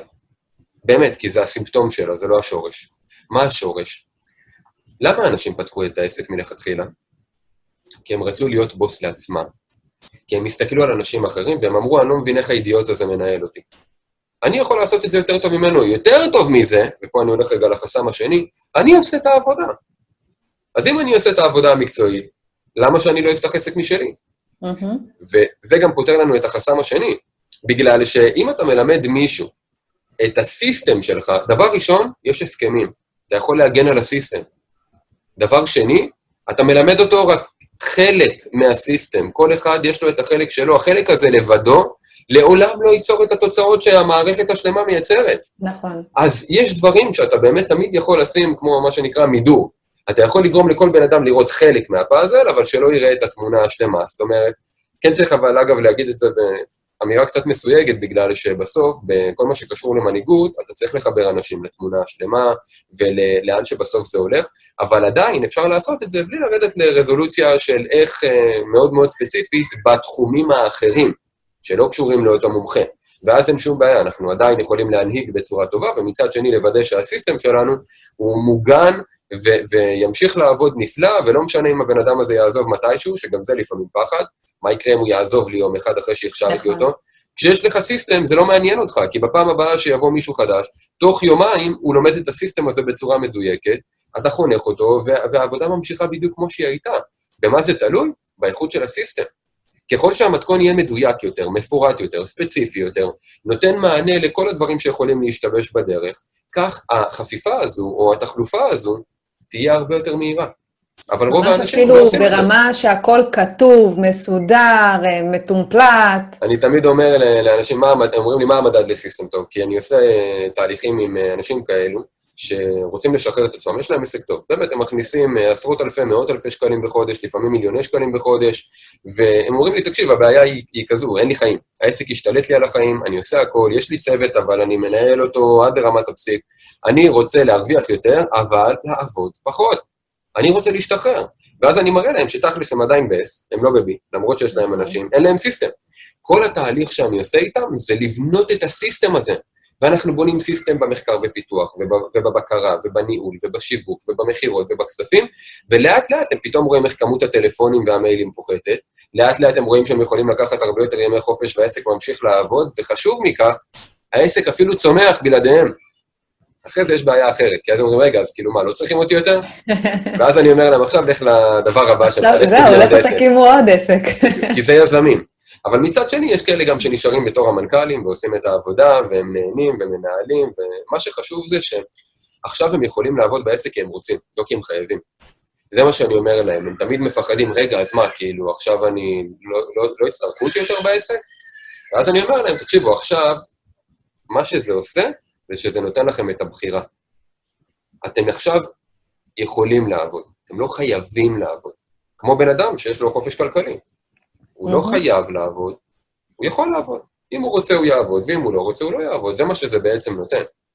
ורוב בעלי העסקים לא חושבים בכלל על, על המונחים האלו של סיסטם, הם לא חושבים על לקחת את כל העסק שלהם וכאילו להכניס אותו לקופסה כזאת, או יותר נכון לספר נהלים, עד לרמת הפסיק שהם יכולים באמת להביא למישהו, וזה המדד שרציתי לציין קודם, שאם מביאים את הספר הזה, או את ההדרכה הזו, או מה שזה לא יהיה, כי למערכת יש הרבה מאוד פורמטים, לעובד חדש, הוא קורא את זה, הוא יודע לייצר תוצאה מדויקת בדיוק כמו שאתם רוצים, בלי שאתם צריכים להסביר לו מילה. אם אתם צריכים להסביר לו מילה, ה system לא מספיק טוב. system טוב זה system שהבן אדם לומד אותו לבדו, מייצר בזכותו את התוצאות שהוא צריך לייצר, והוא לא צריך שום סיוע, שום חניכה. זה עד כמה ה system אמור להיות טוב. איך נדע לגייס את האנשים הטובים ל system שלנו? חלק מהסיסטם זה קודם כל אה, להבין איזה תוצאות אנחנו רוצים שאותו בן אדם ייצר, ואחר כך להבין איזה תכונות וכישורים אנחנו רוצים שיהיה לבן אדם הזה. ואחרי זה אנחנו בונים ראיון שנועד לבדוק עד כמה לבן אדם שאנחנו רוצים לגייס יש את התכונות והכישורים האלו בשביל לייצר את התוצאות שאנחנו רוצים. כל תפקיד הוא מבוסס תוצאות. הרבה מאוד אנשים מגייסים על בסיס תכונות או על בסיס כישורים, שטות מוחלטת. אתה יכול לגייס בן אדם... גם הרבה אנשים אוהבים לגייס אנשים שדומים להם, שזה דווקא יכול להיות הכי גרוע. נכון, נכון. כי כל תפקיד באמת יש לו את הדברים הייחודיים שלו, ולכן אם בן אדם חושב מראש, בתמונה הראשונית של המבנה הארגוני שלו, איזה תפקידים צריכים להיות, איזה תוצאות כל תפקיד צריך לייצר, איזה כישורים ותכונות צריך שיהיה לבן אדם הזה, כדי שהוא יוכל לייצר את התוצאות האלו, ואז אנחנו מתחילים לבנות את הסיסטם, מגייסים את הבן אדם הנכון, פתאום גם לא צריך לנהל את הבן אדם. אין, אי אפשר לנהל אנשים בלי קשר. למי שחושב שאפשר לנהל אנשים, אי אפשר לנהל אנשים. אפשר לנהל את המערכת.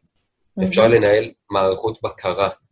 מי שמתיימר לנהל אנשים, הוא פשוט טיפש, אין מילה אחרת. אנחנו מזמן עברנו מעולם של ניהול לעולם של מנהיגות והובלה. בדיוק. לא רק זה, גם מי שצריך לנהל את העובדים שלו, איך הוא ישתחרר בדיוק?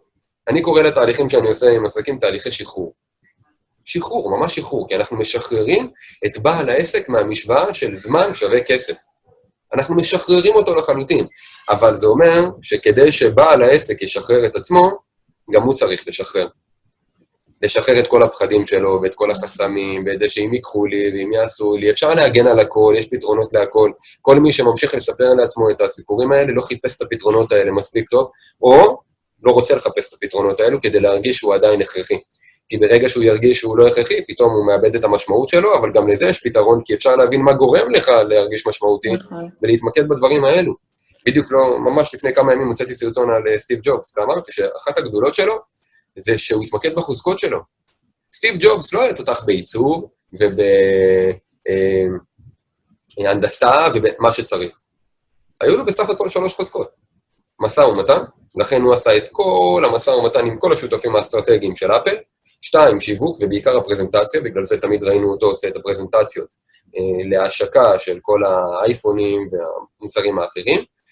ו, אה, והדבר השלישי זה שבשורה התחתונה היה לו את היכולת לעבוד עם אנשים שהם מצוינים, אבל להוציא מהם הרבה הרבה הרבה יותר מעצמם. לדחוף אותם באמת לקצה, הוא אתגר את כל הצוות שלו ברמות מטורפות והזויות, אבל לא פחות חשוב מכך, גם הייתה לו יכולת לפתח מוצרים חדשים על ידי כך שהוא בעצם צפה את מה שהשוק רוצה עוד לפני שהשוק ידע את זה.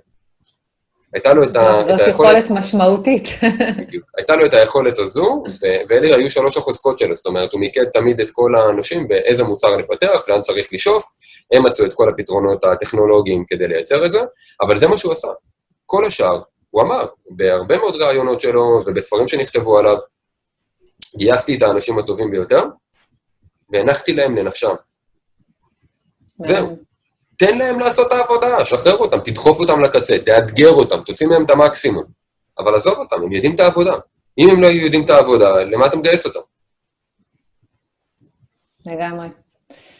מה שאמרת על, ה, על היכולת לצפות בעצם מה השוק אה, רוצה, אה, הרמת לי פה להנחתה, זו אחת השאלות שלי, שבעצם היום השוק רווי מהכל, אוקיי? יש הכל מכל דבר, לא משנה לאן נסתכל, אנחנו באוקיינוס אדום. איך אנחנו יודעים אה, ליצור לעצמנו את האוקיינוס הכחול שלנו, כדי שכשאנחנו נבוא ונקים את העסק שלנו, אנחנו נדע שזה שווה את, ה, את ההשקעה שלנו. קודם כל, אה, למי שמהצופים לא מכיר, אוקיינוס אדום זה בעצם ביטוי לעולם תחרותי מאוד, עם הרבה מאוד מתחרים. המטרה היא לעבור לאוקיינוס כחול, לצורך העניין מקום שיש בו מעט מאוד מתחרים. ספר נפלא בשם הזה נכון. נקרא אוקיינוס כחול, מי שלא קרא רוצו לקנות, יש שני ספרים, יש בעצם, הראשון נקרא אוקיינוס כחול, השני נקרא המעבר לאוקיינוס כחול, ספר שבעצם הוא תולדה של כל הניסיון והתובנות שהופקו מהתהליכים שאותם סופרים עשו עם הרבה מאוד חברות בעולם, ועכשיו הם מתרגמים את זה למשהו הרבה יותר פרקטי. מרתקים, אני קראתי אותם, אני חושב, אולי עשר פעמים כל אחד מהם, אה, וצריך לקרוא אותם עוד עשר פעמים. אבל חשוב מכך, אנחנו גם יודעים ליישם את, הפרקטיקה הזו, ואני אומר בצורה חד משמעית, כל עסק שנסגר, רובם המכריע, זה עסק שלא הייתה לו זכות קיום מלכתחילה. למה? כי הוא לא הביא שום דבר חדש לשוק, ומי שלא מביא שום דבר חדש לשוק נכנס למלחמת מחירים. כי אם אתה מביא בדיוק את אותו הדבר ממה שהמתחרה שלך הביא, ההבדל היחיד ביניכם יהיה המחיר. וכל מי שאומר ניסיון, איכות, שירות, שטויות במיץ. תשכחו מהדברים האלו. היום, מה שלא שונה לחלוטין, לא יחזיק מעמד. ולכן, כשיזם מתחיל את תהליך בניית העסק, זאת השאלה הראשונה שהוא חייב לענות עליה. אתה רוצה לפתור בעיה מסוימת, ואגב, גם זו נקודה. הרבה בעלי עסקים חושבים במונחים של מוצרים, זה ההבדל, אגב, בין פרספקטיבה של נכון. מישהו קטן לבין יזם. לא מתחילים מה אני יכול להציע. לצורך העניין, יש עכשיו אה, זהו אה, טוב, מישהו... אנשים מתחילים מאיפה אני יכול להרוויח. אבל ממה הם, מה התשובה שלהם? טוב, מה אני יודע לעשות? יאללה, אני אעשה את זה. זה מה שהם עושים, הם מתחילים מהמוצר, במקום להתחיל מרגע, איזה אנשים אני רוצה לעזור להם? מאיזה בעיות הם סובלים? איזו בעיה הכי מדליקה אותי? ואז לשאול את עצמם, איזה פתרונות מציעים להם היום לבעיה הזו? מה לפי דעתי לא מספיק טוב בפתרונות האלו? ועכשיו, לחשוב על משהו חדש. לחשוב על פתרון טוב יותר. ואם הבן אדם הזה, אם היזם הזה לא מוצא תשובה לפתרון טוב יותר, אל תפתח את העסק. אל תפתח, כי אם אתה תפתח, אתה נכנס למלחמת מחירים, נקודה. ולצערנו, ל-99% מבעלי העסקים אין מה שנקרא בידול. אין יתרון תחרותי, אין ייחודיות עסקית, שורה תחתונה, הם עוד מאותו הדבר. ולכן, הסטטיסטיקה מדברת בעד עצמה. בעוד מדי שנה נפתחים בערך 45,000 עסקים, נסגרים 42,000. כמובן לא אותם אלה שנפתחו, כן? אבל רואים כמעט שהמספרים הם זהים, ולמה נסגרת כמות כזו גדולה של עסקים? אז אפשר להגיד, הם לא ידעו להתנהל, לא היה להם מספיק לקוחות, התחרות קשה, כן, אבל למה לא היה מספיק לקוחות? אבל למה התחרות קשה? כי אין שום דבר שמבדל אותם. שום דבר ייחודי. אז הם, נלח... הם נלחמים על המחיר, ותמיד יהיה אידיוט שימכור את מה שאתם מוכרים במחיר זול יותר. נכון. תמיד, תמיד, וכשהאידיוט הזה יהיה, אז יבוא אידיוט אחר. אי אפשר לנצח במלחמות מחירים. היחידים שמפסידים זה בעלי העסקים עצמם. הלקוחות כמובן מרוויחים, וזה בסדר גמור, אבל מצד שני, אי אפשר שבעלי העסקים לא ירוויחו. לכן יש הרבה... זה, זה ממש תלוי בתחום, אבל אה, בואי ניקח לדוגמה, אה, הנה פרסומת לאחרונה שראיתי על חברת ביטוח. יש בדרך כלל ביטוח אה, חובה, נכון? או מקיף, או מה שזה לא יהיה, את פשוט משלמת סכום קבוע, נכון? Mm-hmm. עכשיו, מה אם הייתי אומר לך, בואי תשלמי לפי מה שאת נוסעת, הרי יש נישה של אנשים שלא נוסעים הרבה. למה שהם ישלמו רק על, על, על הכל בעצם? למה שהם לא ישלמו על מה שהם נסעו ואז הם ישלמו הרבה פחות? למה לא לקשר בעצם את התשלום למספר הקילומטרים? זו יכולה להיות הצעה ייחודית. עכשיו כן. מחר חברת ביטוח אחרת יכולה לבוא ולהציע את אותו הדבר. אה, אתה לא נותן לי, אני באה לשאול שאלה, אתה כבר עונה לי מראש על ה... זה נובע מהרבה מאוד שיחות כאלה. אמ, אז, אז באמת חברה אחרת יכולה לבוא, אבל לכן בידול זה תהליך מתמשך. תמיד אנחנו חייבים להיות צעד, שניים קדימה מה, מהמתחרים. זאת אומרת שאנחנו כל הזמן צריכים להמציא את עצמנו מחדש. בדיוק. אני אתן לך עוד דוגמה, יש חדר כושר, אה, לא זוכר בדיוק את השם שלו, שבעצם אה, פנה לנישה של נשים שהן קרייריסטיות, והן מחפשות אימון מאוד מהיר, אבל שיכול גם להביא אותן לתוצאות, ובלי כל התסבוכת הזו של אה, מלא מכשירים, ובלי גברים שנועצים בהם עיניים בזמן שהן מתאמנות. אז יש אה, אה, רשת מסוימת, בינלאומית, לא, לא זוכר בדיוק את השם שלה, שפשוט החליטה שהיא פותחת חדרי כושר במקומות אה, ממש כאילו אולמות קטנים כאלו, עם עוד מכשיר אחד, שהוא יכול לעשות הרבה מאוד תרגילים ולעזור להרבה מאוד שרירים בגוף, אימון של 30 דקות, שעוזר להן להשיג תוצאות, הם פתחו את זה במקומות שקרובים למגורים, ולאו דווקא מהרבה חדרי כושר שפתוחים דווקא לאו דווקא סטודיו C. סטודיו C עושים את הקונספט הזה, אבל הם לא אלה שהמציאו את זה, למיטב ידיעתי. אה, אני חושב, קורפס אולי, יכול להיות, נראה לי, אה, אבל לא בטוח, לא זוכר, בקיצור.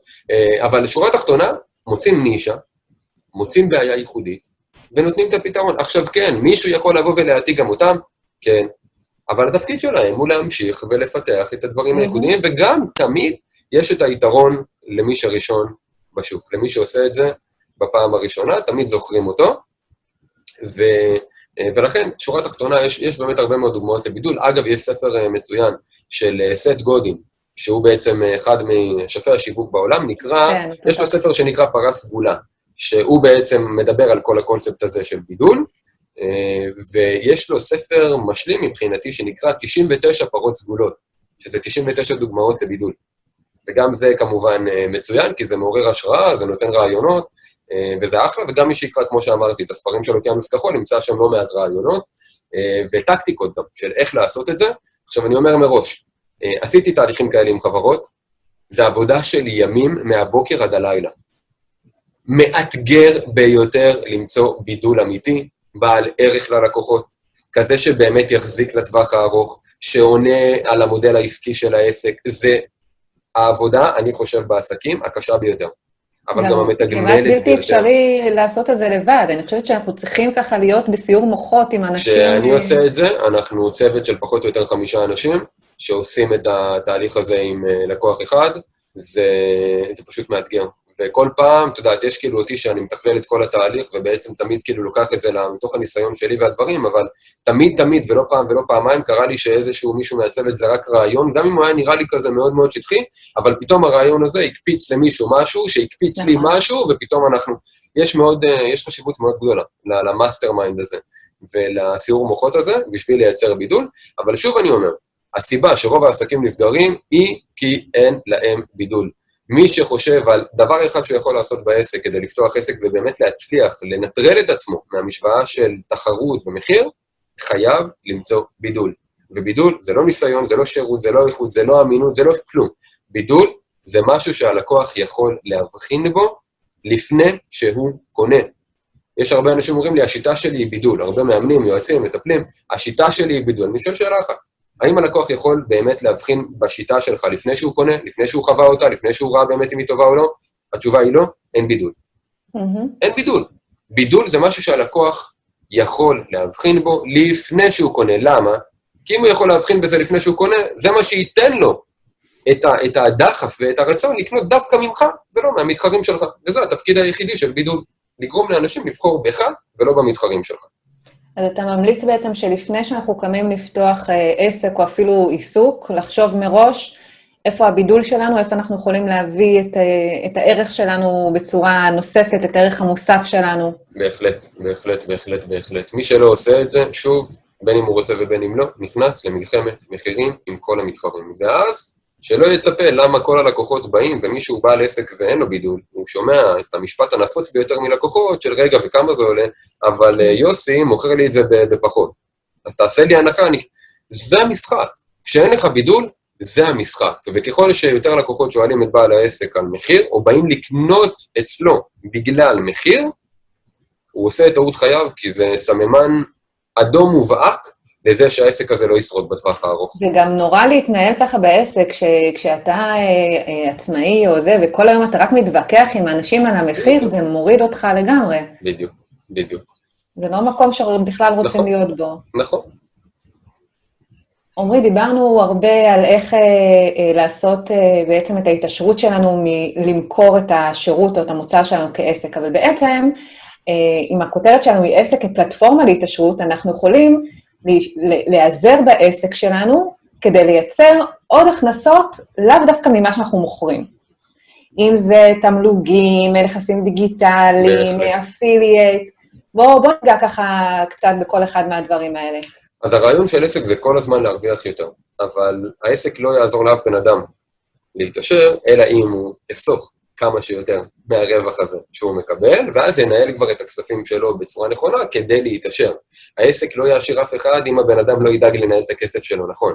אבל העסק הוא פשוט הכלי הטוב ביותר, כי אין מגבלה על ההכנסה, המגבלה היחידה הן היכולות של בעל העסק. המגבלה של העסק זה המגבלה של הבן אדם עצמו, לכן גם אני מאמין באמונה שלמה שעסק זה הכלי הטוב ביותר להתפתחות אישית, כי הוא מחייב אותנו כל הזמן לצמוח ולאתגר את עצמנו ולקחת על עצמנו יעדים מפחידים, נועזים, גדולים, מה שמכריח אותנו להפוך לאנשים טובים יותר ממה שהיינו אתמול כדי להשיג אותם. כן. כשאנחנו משיגים אותם, זה פשוט עוד פעם ספירלה כזאת שבאמת הופכת את החיים להרבה יותר מעניינים והרבה יותר משמעותיים בעיניי, אה, ושורה תחתונה גם מייצרים לנו את הכסף שאנחנו רוצים בשביל להתעשר. עכשיו, כדי להתעשר יותר ויותר, אנחנו צריכים להרחיב את העסק שלנו ולהצמיח אותו. ויש הרבה מאוד מודלים, למשל אמר תמלוגים. אז יכול להיות שפיתחתי שיטה ייחודית ואני יכול למכור אותה לאנשים, והם ישלמו לי תמלוגים קבועים על זה שהם משתמשים בשיטה שלי. כמו למשל, לצורך העניין, שירים, שאם מישהו משתמש בהם, הוא משלם סכום מסוים על זה שהייתה לו את הזכות להשמיע את השיר, אותו הדבר. אני יכול לפתח, כמו שאני בעצם בניתי את העסק שלי, מודל של זכיינות. אני יכול למכור לאנשים שרוצים עסק בתחום שאני עוסק בו, עסק בקופסה. לתת להם עסק מוכן, עם אה, אה, לקוחות ומערכי שיווק ומכירות ושיטה ומוניטין ונהלים והכול. זאת אומרת, כדי... כל הספר נהלים שדיברנו עליו קודם, וחניכה, ותמיכה, ואת המוניטין, והכול. הם מקבלים בעצם את, ה, את, ה, את הכל, הם מקבלים את העסק, הם בעצם הופכים להיות שלוחה של העסק, והם משלמים תמלוגים על הזכות הזו. התמלוגים יכולים להיות קבועים, הם יכולים להיות ביחס למחזור המכירה, יש הרבה מאוד מודלים של זכיינות. אה, בעיניי זה מודל אה, מצוין להתרחבות, אה, אבל הוא לא מתאים לכולם, יש כאלה שכן, יש כאלה שלא. יש הרבה מאוד אנשים שבטח גם אחרי שישמעו את הריאיון הזה, יבואו וישאלו אותי, כמו ששאלו אותי הרבה בעבר, תקשיב, העסק שלי מצליח, אני חושב שהגיע הזמן לזכיינות. אז לא כולם יכולים לפעול במודל של זכיינות, יש לזה גם היבטים משפטיים. לא לכל עסק. מתאים מודל של זכיינות. אי אפשר לקחת את כל העסקים ולהפוך אותם למודל של זכיינות. זה לא מתאים לכולם, צריך לבחון את הדברים. אפשר כמובן גם ליצור מוצרים דיגיטליים, ואפשר להרחיב את העסק, פשוט להביא צוותים גדולים יותר, ולהרחיב את צוות המכירות והשיווק והעובדים וכדומה. ואפשר אה, אה, למכור אה, אה, זכויות אה, כאלו ואחרות, או למכור מוצרים, או לעשות שיתופי פעולה אסטרטגיים, או למכור חלק מהעסק בבעלות או בשותפות. ים דברים. השורה התחתונה היא שצריך למצוא את הדרך הנכונה לבעל העסק ולמודל העסקי. כי לפעמים, כשעושים מהלך של צמיחה, לפעמים זה בא על חשבון רווחים. ואנחנו לא רוצים לעשות את זה, אנחנו רוצים ליצור מהלך סינרגטי שיעזור לנו להרוויח יותר בפחות עבודה ומשאבים. לא להרוויח יותר ביותר עבודה ומשאבים, כי זה מן הסתם הכי קל בעולם, ובטח שלא להשקיע יותר ולקבל פחות. זה מה שקורה, אגב, להרבה מאוד חברות שצומחות פשוט כדי לצמוח, נכון. והן פשוט uh, חותכות את הרווחים שלהן, למרות שמחזור ההכנסות גדל, פשוט כי ההוצאות גדלו הרבה יותר. העסק שלנו הוא בעצם השקעה. אנחנו יודעים להסתכל על העסק שלנו. הנכס החשוב ביותר שלנו, נכון. נכס, נכס. לא כשאנחנו מוכרים את הזמן שלנו, לא ב-S. כשהעסק הוא B, mm-hmm.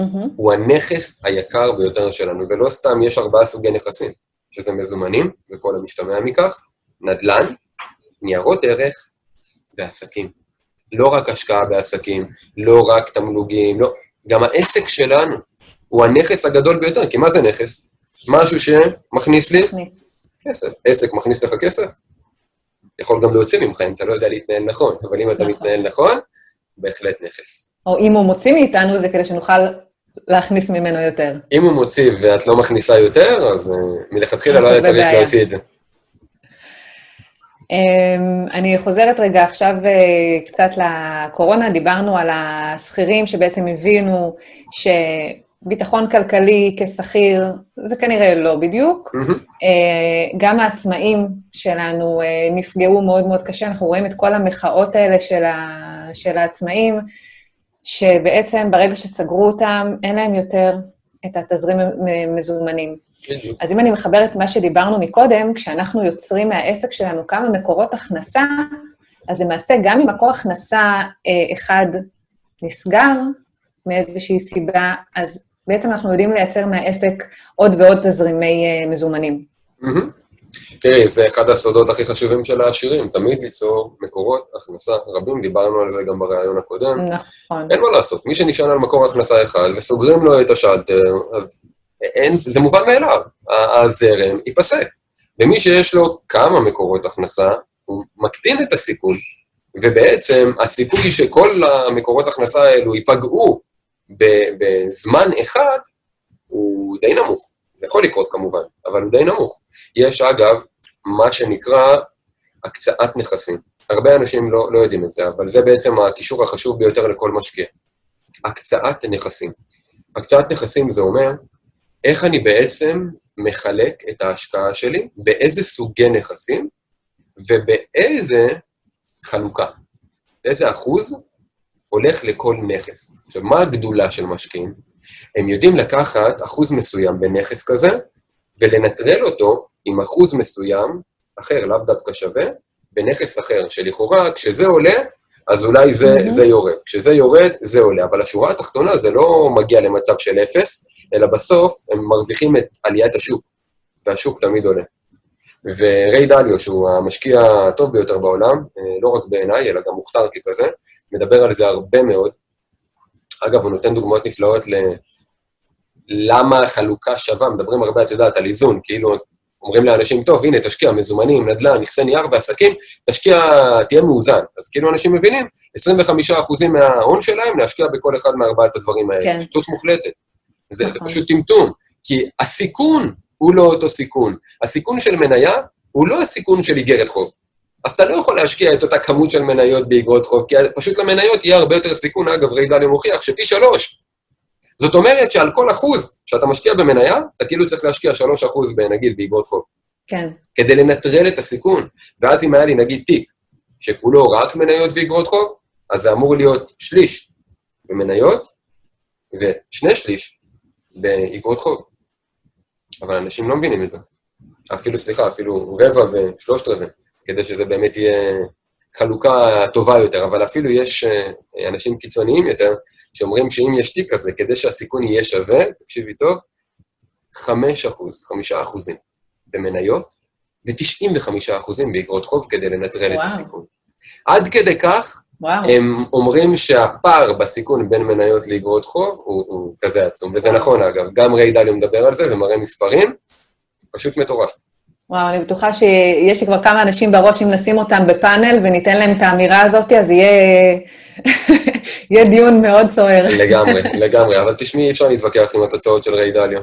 מי שמביא נכון. תשואה מטורפת ב-75 שנים, ותמיד מנצח את השוק, שרק 4% מכל בתי ההשקעות, אגב, מנצחים את השוק, שזה עוד משהו שאנשים לא יודעים. כל בתי ההשקעות למיניהם, 96 אחוזים אגב, לא מנצחים את השוק, לא מנצחים את המדד. כאילו מי שמשקיע במדד בצורה פסיבית, גם משלם פחות עמלות, גם מרוויח יותר בתשואה, נכון. אה, אבל השיווק של בתי ההשקעות עושה את שלו, ובגלל זה רוב האנשים משקיעים שם, אבל מפסידים הרבה יותר ממה שהם חושבים.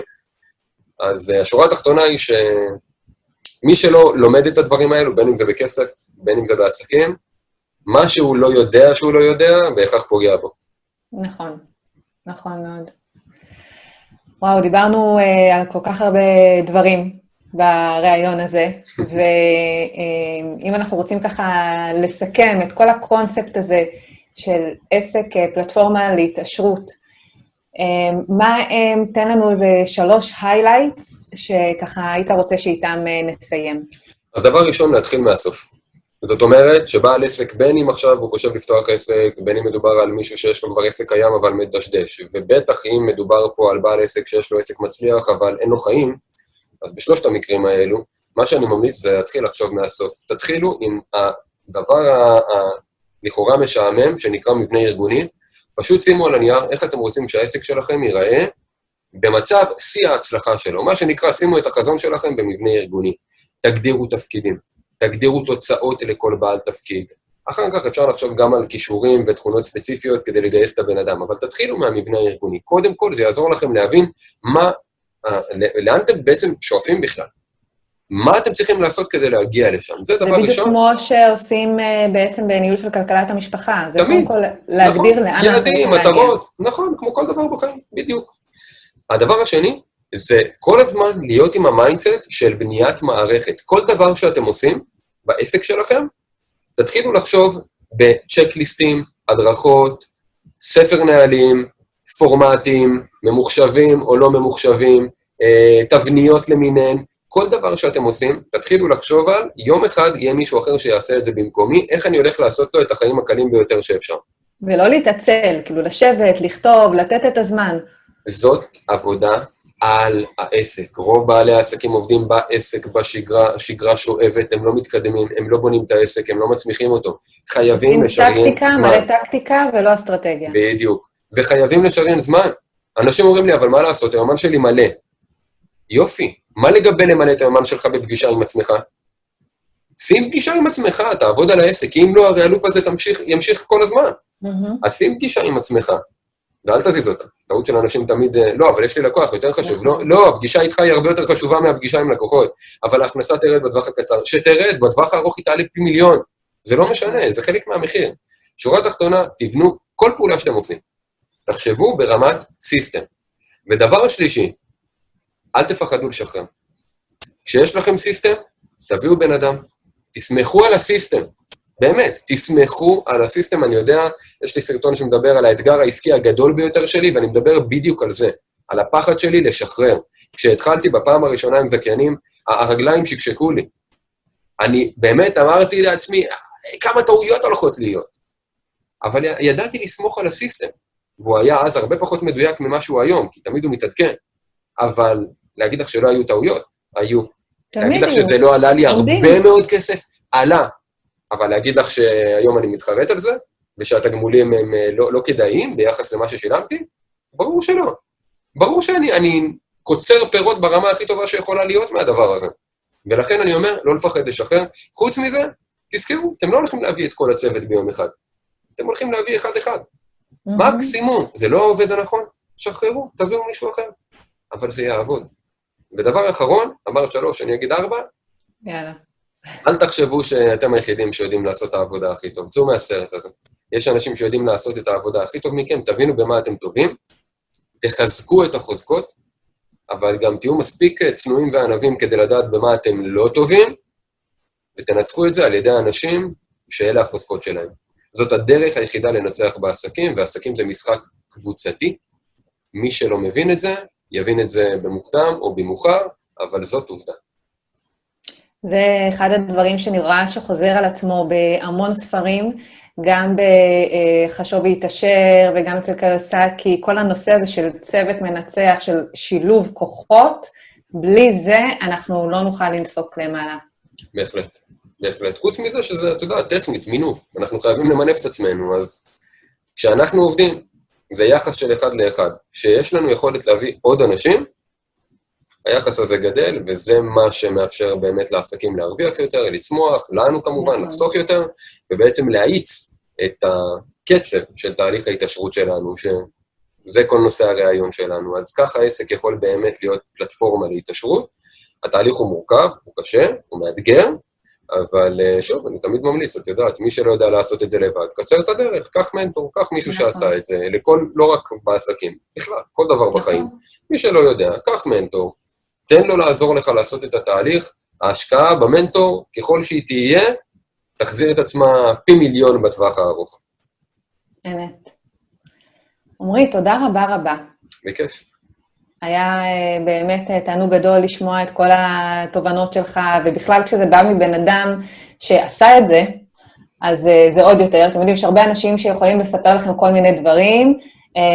גם אני יכולה לספר לכם הרבה דברים ממה שאני קוראת וממה שאני נחשפת וזה, אבל זה לאו דווקא יבוא ממקום של, של עשייה. אז אני עוד לא במקום הזה, אבל אני כן יודעת לפנות, וכמו שפניתי עכשיו לעומרי, בוא תשתף אותנו וזה, ואני יודעת שזה מהניסיון שלו, זה הכי חשוב. אז אה, זה באמת אה, מתחבר לטיפ האחרון ככה של, שעומרי נתן, איפה שאתם לא יודעים ואין לכם באמת את האנשי מקצוע שעברו את זה, לכו תחפשו את אלו שכן, תקבלו מהם את התובנות, תקבלו מהם את ההכוונה, שווה את הכל. לגמרי. תראי, גם אפשר לזהות את זה בקלות, כי קחי לצורך, הרי את יודעת, דיברנו על דברים, אמרתי לך משהו, ואז המשכתי ב, לכאורה בנושאים נוספים, ואז אמרת לי, כאילו, לקחת לי את השאלה, ככה אפשר לזהות בן אדם שבאמת עבר את זה. כי מי שהוא מנטור אמיתי ולא מזויף, אז הוא יודע להגיד לך מה יקרה הלאה. הוא היה שם. הוא כאילו יכול לצפות את אוקיי. העתיד. והתשובות שלו לא יהיו תשובות נקודתיות לשאלה שלך, כמו שכאילו היית מקבלת אם היית קוראת ספר. התשובות שלו יהיו מקיפות, כולל מה עלול להשתבש, כולל הוא יוסיף לך כל מיני דברים שלא חשבת עליהם בכלל. זה הכי חשוב. בדיוק, וזה מנטור אמיתי, כי את זה יכול לתת רק מישהו שעבר את זה. כל השאר יכולים לתת uh, עצות שטחיות לחלוטין, אבל אז כששואלים אותם שאלות, הם פתאום נעלמים דום, ולא יודעים להגיד לך מה לעשות, כי זה לצערם לא היה כתוב בספר. נכון. אז תודה רבה רבה. בכיף, היה לי לעונג. כנ"ל, ואני בטוחה שגם לכם, אז תנו לייק ותשתפו. ותגיבו לנו למטה, אנחנו מאוד אוהבים כשאתם כותבים לנו, זה נותן לנו הרבה drive להמשיך ולהעלות לכם את התוכן האיכותי הזה. אמ, ואני מקווה שבאמת נתראה בעוד סרטון ובדברים אחרים. בהחלט. וגם אתכם, חבר'ה יקרים, תמשיכו לצפות, גם אצלי בערוץ, גם אצל עמרי. אני משאירה לכם גם פה בסרטון הזה לינק לערוץ של אה, עמרי ולספרים של עמרי, שגם שם יש הרבה דברים ממש ממש שווים וכדאי לקרוא. תודה רבה. בשמחה, יום מצוין לכולם. להתראות.